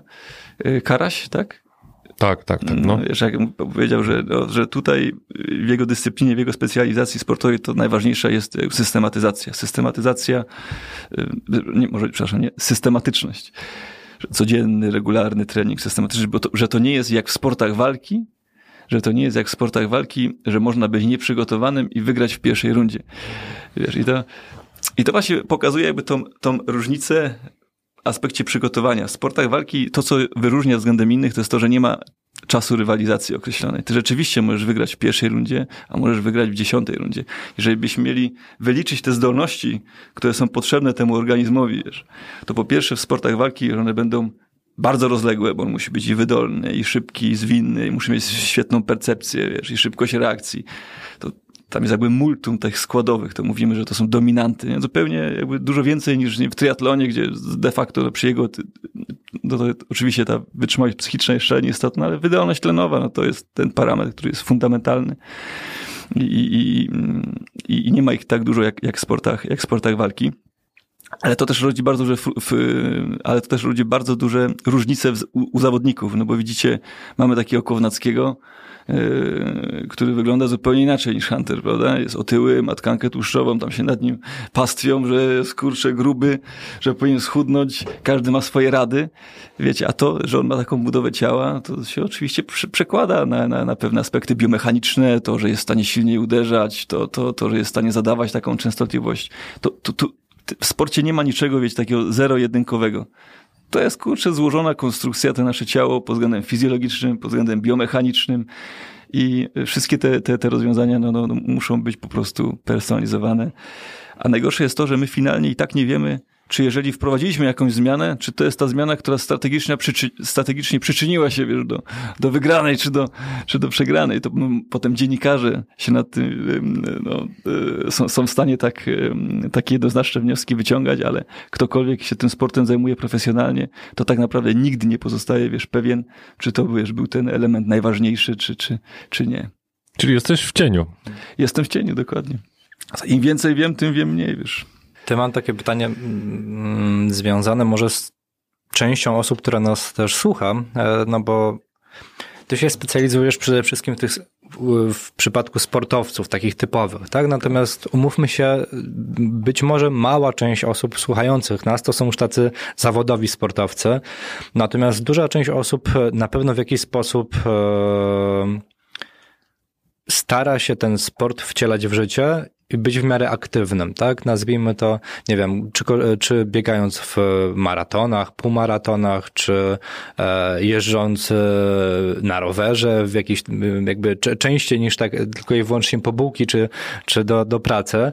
E, I w przypadku tego typu sportów ta regeneracja na pewno również jest potrzebna. Co ty byś w ogóle sugerował takim osobom? W jaki sposób do tego podejść? No, musielibyśmy zadać pytanie, co jest w tej regeneracji najistotniejsze. Najistotniejsze w regeneracji e, to też zabrzmi jak truizm, to jest, to jest żywienie i to jest sen.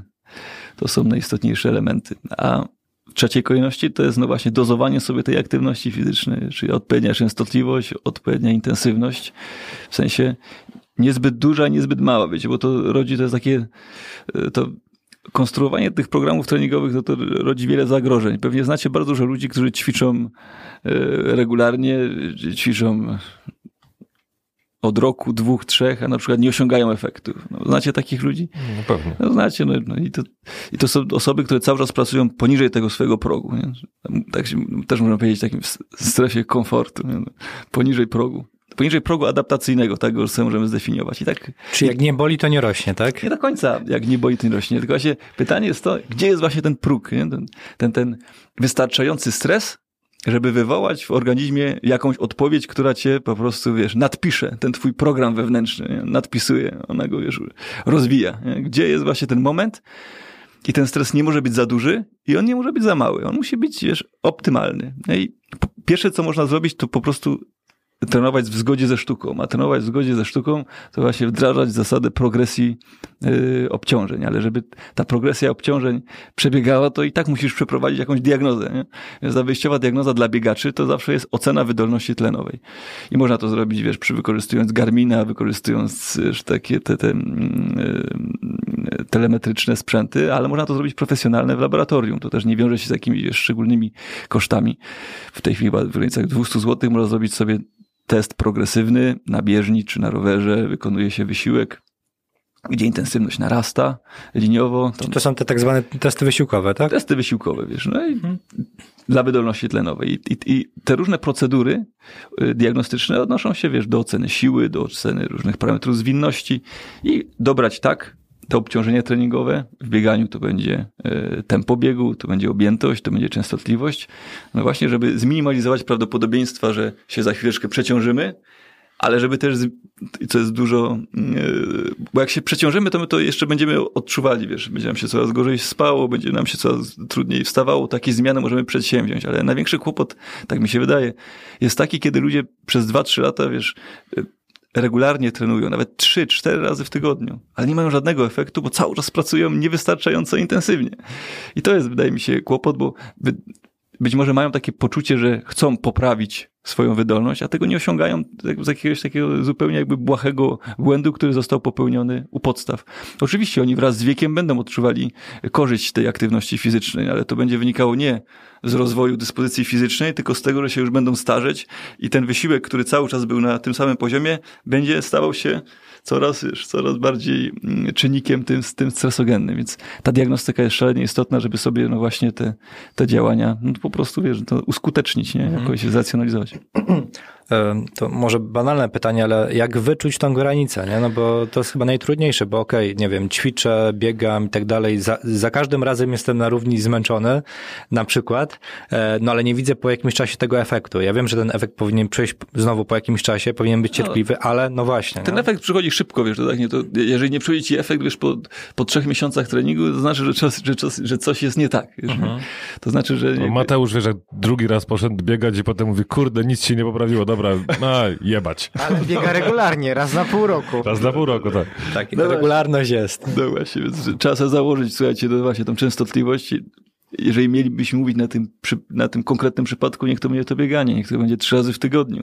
Niech to będą dwa wysiłki, w których nie łapiemy zadyszki, ale mamy dużą objętość pracy, niech to będzie no, 60 minut jeden wysiłek, 92, ale taki właśnie komfortowy, a jeden zróbmy sobie taki wysiłek, w którym rzeczywiście gdzieś tam ta zadyszka będzie nas e, łapała i wracajmy do tej zadyszki. Zróbmy ją właśnie w takim wysiłku e, ciągłym o zmiennej intensywności albo właśnie w interwałach, ale gdzieś tam wchodźmy w tą naszą, w ten nasz dług tlenowy, tak żebyśmy rzeczywiście odczuwali, że w zasadzie chcielibyśmy wracać, przetrzymajmy tą chęć powrotu, zróbmy jeszcze 4-5 odcinków i będziemy mieli pewność, że rzeczywiście ten, ten, ten stres wysiłkowy no jest wystarczający do tego, żebyśmy już takich odczuć nie mieli za trzy tygodnie, kiedy będziemy biegali z tą samą prędkością, kiedy wykonamy tą samą ilość e, e, odcinków, a już będziemy czuli się zupełnie inaczej. Efektem u- ubocznym są później zakwasy, czy nie? Czy to jest mit? Wiesz co, te e, obolałości, obolałości potreningowe, bo to nie są zakwasy, nie? To, Mówił wam Ma, e, Mateusz? Nie. Nie. Nie. Nie ma zakwasów, nie ma czegoś jak zakwasy, nie? Zakwasy to, to jest takie kolokwialne i to, Zakwasy są, za, zakwasy są dla słabych, więc nie, nie, ma, nie, ma, nie ma czegoś Zakwasy takiego. są dla słabych. My to zawsze y, y, też na, tak jak na biologii molekularnej mówiło się o lewoskrętnej witaminie C, tak my na fizjologii mówimy o zakwasach, y, że tych zakwasów nie ma, no bo rzeczywiście ich W nie chlebie ma. są zakwasy. Zakwas może być chlebowy, dokładnie. To są takie obolałości potreningowe, bo ten kwas mlekowy, który się uwalnia w konsekwencji wysiłku, szczególnie wysiłku, wysiłków o dużej intensywności, o, wiesz, to jest, on, on, on jest w tych mięśniach i w krążeniu tylko chwilę. Organizm musi sobie szybko z nim poradzić, prawda? Mówimy wtedy o tak zwanej kwasicy wysiłkowej. Tej samej kwasicy, która może być kwasicą metaboliczną, no to w, w konsekwencji jakichś, jakichś dysfunkcji takich nerek, czy w stanach chorobowych. Organizm sobie szybciutko radzi z tym, z tym, z tym, z tym mleczanem poprzez system bu- buforowania. E, Tutaj znowu możemy nawiązać do tej wody gruzińskiej. Właśnie ona ma dużo tych wodorowęglanów, a te wodorowęglany to jest 80% potencjału, który buf, buforuje. I Czyli w jest Stanach to będzie woda na zakwasy. na zakwasy, dokładnie. Dla, dla sprinterów, woda Tak. dla sprinterów, dokładnie. E, A ten mleczan przez, przez wiele lat uznawany był za taki uboczny produkt metabolizmu, taki, ach. a teraz się okazuje, że to jest substrat energetyczny, że my z tego czerpiemy energię, właśnie z tego mleczanu. W tych, w tych, to szczególnie ma znaczenie, kiedy te wysiłki się powtarzają. Możemy zapytać, dlaczego ci mm, tenisiści są w stanie skupić uwagę tak długo podczas meczu, półtora, dwugodzinnego, nie? to niesamowici. Nie? Się okazuje, że z tego mleczanu no, czerpie ich mózg, bo mleczan wraz z glukozą przechodzi przez barierę krew-mózg jest w stanie zasilić mózg w tych momentach, kiedy już nie ma żadnego innego substratu energetycznego. Więc te, te, tego mleczanu musimy go bardzo doceniać, ale to tak tylko nawiasem, nawiasem mówiąc. Ym, y, Powysiłkowe są domsy, ale to jest naprawdę bardzo, wiesz, bardzo mm, indywidualne. Niektórzy y, odczuwają bardzo silnie te uszkodzenia strukturalne, inne mniej. One są dużo silniejsze pod, oczywiście po treningu oporowym.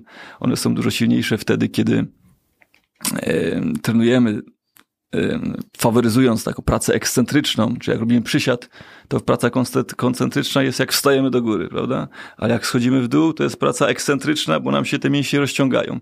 To przeważnie w tej fazie je uszkadzamy.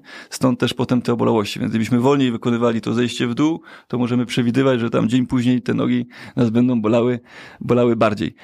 Jest to jakiś symptom, ale mm, i oczywiście jakby to on się nie, nie wiąże z dużymi konsekwencjami, jak trenujemy rekreacyjnie. On może być takim dowodem na to, że wykonaliśmy robotę, No właśnie, czy jak, jak, jak nas boli na drugi dzień, to znaczy, że było dobrze, tak? że wykonaliśmy robotę, ale to też może być niebezpieczeństwo, że zrobiliśmy za dużo. Wiesz, nie wiadomo, bo jak, jak tak czujemy za każdym razem wiesz, te, te, te, te obolałości, no to, to może doprowadzić. Nie jest, nie, wiesz, to nie jest taki bezwzględny symptom, a w niektórych konkurencjach w zasadzie dążymy do tego, no, żeby do nich nie doprowadzić. Wiesz, tak, na przykład w, w boksie, no to tam tych uszkodzeń strukturalnych, y, szczególnie mięśniowych, to za dużo no, nie chcemy, bo one nam zaburzają szybkość, zawodnik jest wolniejszy, zawodnik jest mniej eksplozywny, mm, zawodnik gorzej generuje moc, I, więc dążymy do tego, żeby, no właśnie, ten trening oporowy musi być, ale on musi być tak dobrany, żeby na drugi dzień ten efekt tego treningu był, ale żeby kurczę był wystarczająco szybki i był w pełnej dyspozycji.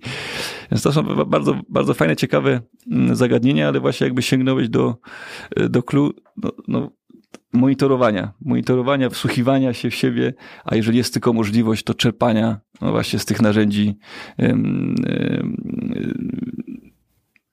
i, pa, i parametrów biochemicznych, które możemy wyciągnąć no, z tego naszego, z tej naszej krwi, z tej naszej śliny, z tych nasz, z oceny funkcji krążeniowo-oddechowej, z monitorowania tętna spoczynkowego, z próby ortostatycznej, czyli jak sobie rano leżymy, badamy tętno, potem pionizujemy się, badamy znowu tętno. Różnica też wskazuje na to, w jakiej kondycji jest nasz, nasz układ nerwowy, układ krążenia. Tej chwili nawet są aplikacje, które są w stanie, prawda, mm, przy założeniu czepcu analizować fazę snu głęboką. Szalenie, y, szalenie przydatne na- narzędzie. Więc widzicie, jakby wchodzimy jakby w różne narzędzia, które są wykorzystywane w medycynie do monitorowania funkcji krążeniowo-oddechowych, parametrów y, stanów zapalnych i dyspozycji naszego układu, układu nerwowego. No też te, te, te monitorowanie aktywności różnych fal mózgowych, EEG, no to, to, to, to, to wszystko jest jakby wdrażane y, w, w sporcie wyczynowym i, i daje nam jakąś taką wiedzę wypadkową, tylko po to, żeby wiedzieć, czy coś z tym zawodnikiem jeszcze zrobić, czy już lepiej nic z nim nie zrobić, żeby go nie zepsuć. Przedsiębiorcy z wyboru. Podcast dla naznaczonych biznesem. To takie pytanie, myślę, na koniec, e, no bo współpracujesz e, teraz z tymi sportowcami, natomiast powiedz mi, czy kiedykolwiek się zastanawiałeś, a może nawet e, miałeś takie usługi dla ludzi po prostu, w sen- w sensie, czy było kiedyś można, albo jeszcze można przyjść po prostu i gdzieś tam Co ja- skorzystać z twojej wiedzy. Ja, ja zacząłem, ja zacząłem być trenerem personalnym, jak jeszcze nikt nie był trenerem personalnym. Ja byłem na trzecim roku studiów, kiedy pracowałem w klubie w Katowicach, już mieszkałem w Katowicach. Y, Pracowałem w takim klubie, który już w tej chwili nie ma gimnazjon, w, w, altu, w najwyższym budynku w Katowicach. I byłem takim trenerem zmianowym. No i przyszedł do mnie pewnego razu, em, no, to, ja tak trudno mi mówić klient, no, tak, tak ci moi klienci to, to zwykle, bo to moi znajomi, czy, czy, czy, czy bliscy znajomi. E, Ale to pierwszym klientem to był Mirek, też taki tutaj, Mirek Zięba, to od Renault. taki. I mówi, kurczę, Kuba, jakbyś poprowadził mój trening, wiesz, ja bym chciał, ja mówię mu, no jestem Mirek, wiesz, na zmianach, jestem we wtorek, w czwartek i w zasadzie nawet w głowie nie było czegoś takiego, że można z kimś pracować indywidualnie, wiecie, to było, no to było trochę lat, trochę lat temu. Jeszcze takiej funkcji trenera osobistego nie było, się słyszało, że e, się człowiek e, uderzał w głowę, gdy mówili o tych e, zawodach przyszłości. No i tak, i tak się zaczęło. Mm, I potem miałem bardzo dużo ludzi, rzeczywiście. Jak się bardzo otworzył, to ja, ja pamiętam, pracowałem po 15 godzin dziennie, tworzyłem grupy tych ludzi, bo to, bo to rzeczywiście doba miała tylko, tylko 24 godziny, więc stworzyło się z treningów indywidualnych treningi grupowe. No potem wiadomo, że ten środek ciężkości się, się, się, się przenosił, gdzieś tam poszukiwałem jak gdyby innych, innych, innych rzeczy, ale do tej pory mam bardzo dużo ludzi, e, którzy ćwiczą e, rekreacyjnie. Widzicie, to jest też tak, że chcemy w ten sport e, wdrażać różne narzędzia diagnostyczne i różną, różne narzędzia, różną technologię, jakkolwiek abstrakcyjnie by to nie brzmiało, ale bardzo często w tym sporcie nie ma na to pieniędzy. Ja mam w tym sporcie dużym, kiedy są duże pieniądze, to na to pieniądze są. Ale w tym sporcie też dużym, ale yy, yy, no też może być duży sport, w którym nie ma pieniędzy, też musimy być tego, te, te, tego świadomi. To nie jesteśmy sobie w stanie pozwolić na, na, na wykorzystanie różnych narzędzi, a bardzo często ja je wykorzystuję u osób rekreacyjnie ćwiczących. Yy, Chociażby właśnie w takiej profilaktyce starzenia. Jak mamy osoby, które są w stanie przeznaczyć jakieś środki, yy, bo jest to dla nich jakiś jak priorytet w wieku 35-40 lat, żeby właśnie sobie ten trening, te żywienie zoptymalizować, no to są w stanie przeznaczyć no, kilka, kilkanaście tysięcy złotych na, na narzędzia diagnostyczne, a bardzo często w sporcie nie jesteśmy w stanie mm, po prostu tego zrobić no, z, z, po prostu z ograniczeń finansowych, więc, więc widzicie, tutaj jakby nie ma tych, tych granic. Mamy tą wiedzę, która jest wykorzystywana przez sport dla celu osiągania najwyższych wyników, ku naszej radości na Mistrzostwach Świata, Igrzyskach Olimpijskich, ale mamy też tych ludzi, którzy są sobie w stanie pozwolić na wykorzystanie tej wiedzy, ale w zupełnie innych, innych celach. Wiesz, teraz mam, mam osoby, z którymi tam współpracuję od, od, y, od lat, których nie zostawiłem i którym staram się, staram się pomagać jak, jak, jak tylko mogę. Może mniej mam nowych osób, bo rzeczywiście jest, jest, y, brakuje, brakuje czasu. Ale to nie jest tak, że wiesz, zupełnie jakby odłączyłem się od tego, od tego sportu, powiedzmy takiego rekreacyjnego, czy na, czy na rzecz zdrowia. Super, dzięki. Przedsiębiorcy z wyboru. Podcast dla naznaczonych biznesem. E, No to moi drodzy, e, tym akcentem e, kończymy nasz dzisiejszy odcinek. Bardzo Wam dziękujemy za jego wysłuchanie. W kolejnym, no już nie będzie tak fajnie, bo już będzie Piotrek, będzie Michał, Michaju. W każdym razie zapraszamy Was do komentowania, do subskrybowania, dodawania tylko pięciogwiazdkowych recenzji i do usłyszenia. Ja jeszcze mam na sam koniec y, taką krótką depeszę od, od Piotra, bo y, tutaj Piotr doczytał o tobie i mówi, że też telemedycyna i zapytał, czy, czy i kiedy powstanie aplikacja do bycia chudym. Ale już jest. Okej, bo jakby coś, to on powiedział, że w 2021 y, powstanie taka aplikacja, bo jakby coś, to on po prostu to ustawowo za, zabezpieczy.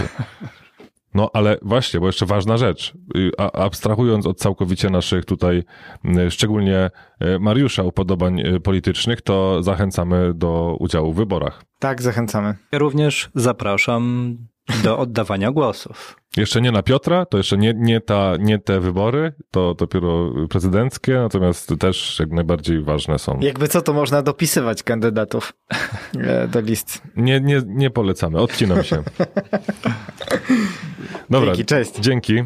Cześć. Dzięki, dzięki bardzo. Przedsiębiorcy z wyboru. Podcast dla naznaczonych biznesem. Porady, studium przypadków, nowinki, analizy, dyskusje, rozmowy, opinie. Ale taki jest dzień beznadziejny, nie? Chyba twój. To jak mówimy o dużych amerykańskich e, Jeszcze raz. firmach, to jak mówimy o... Jeszcze raz.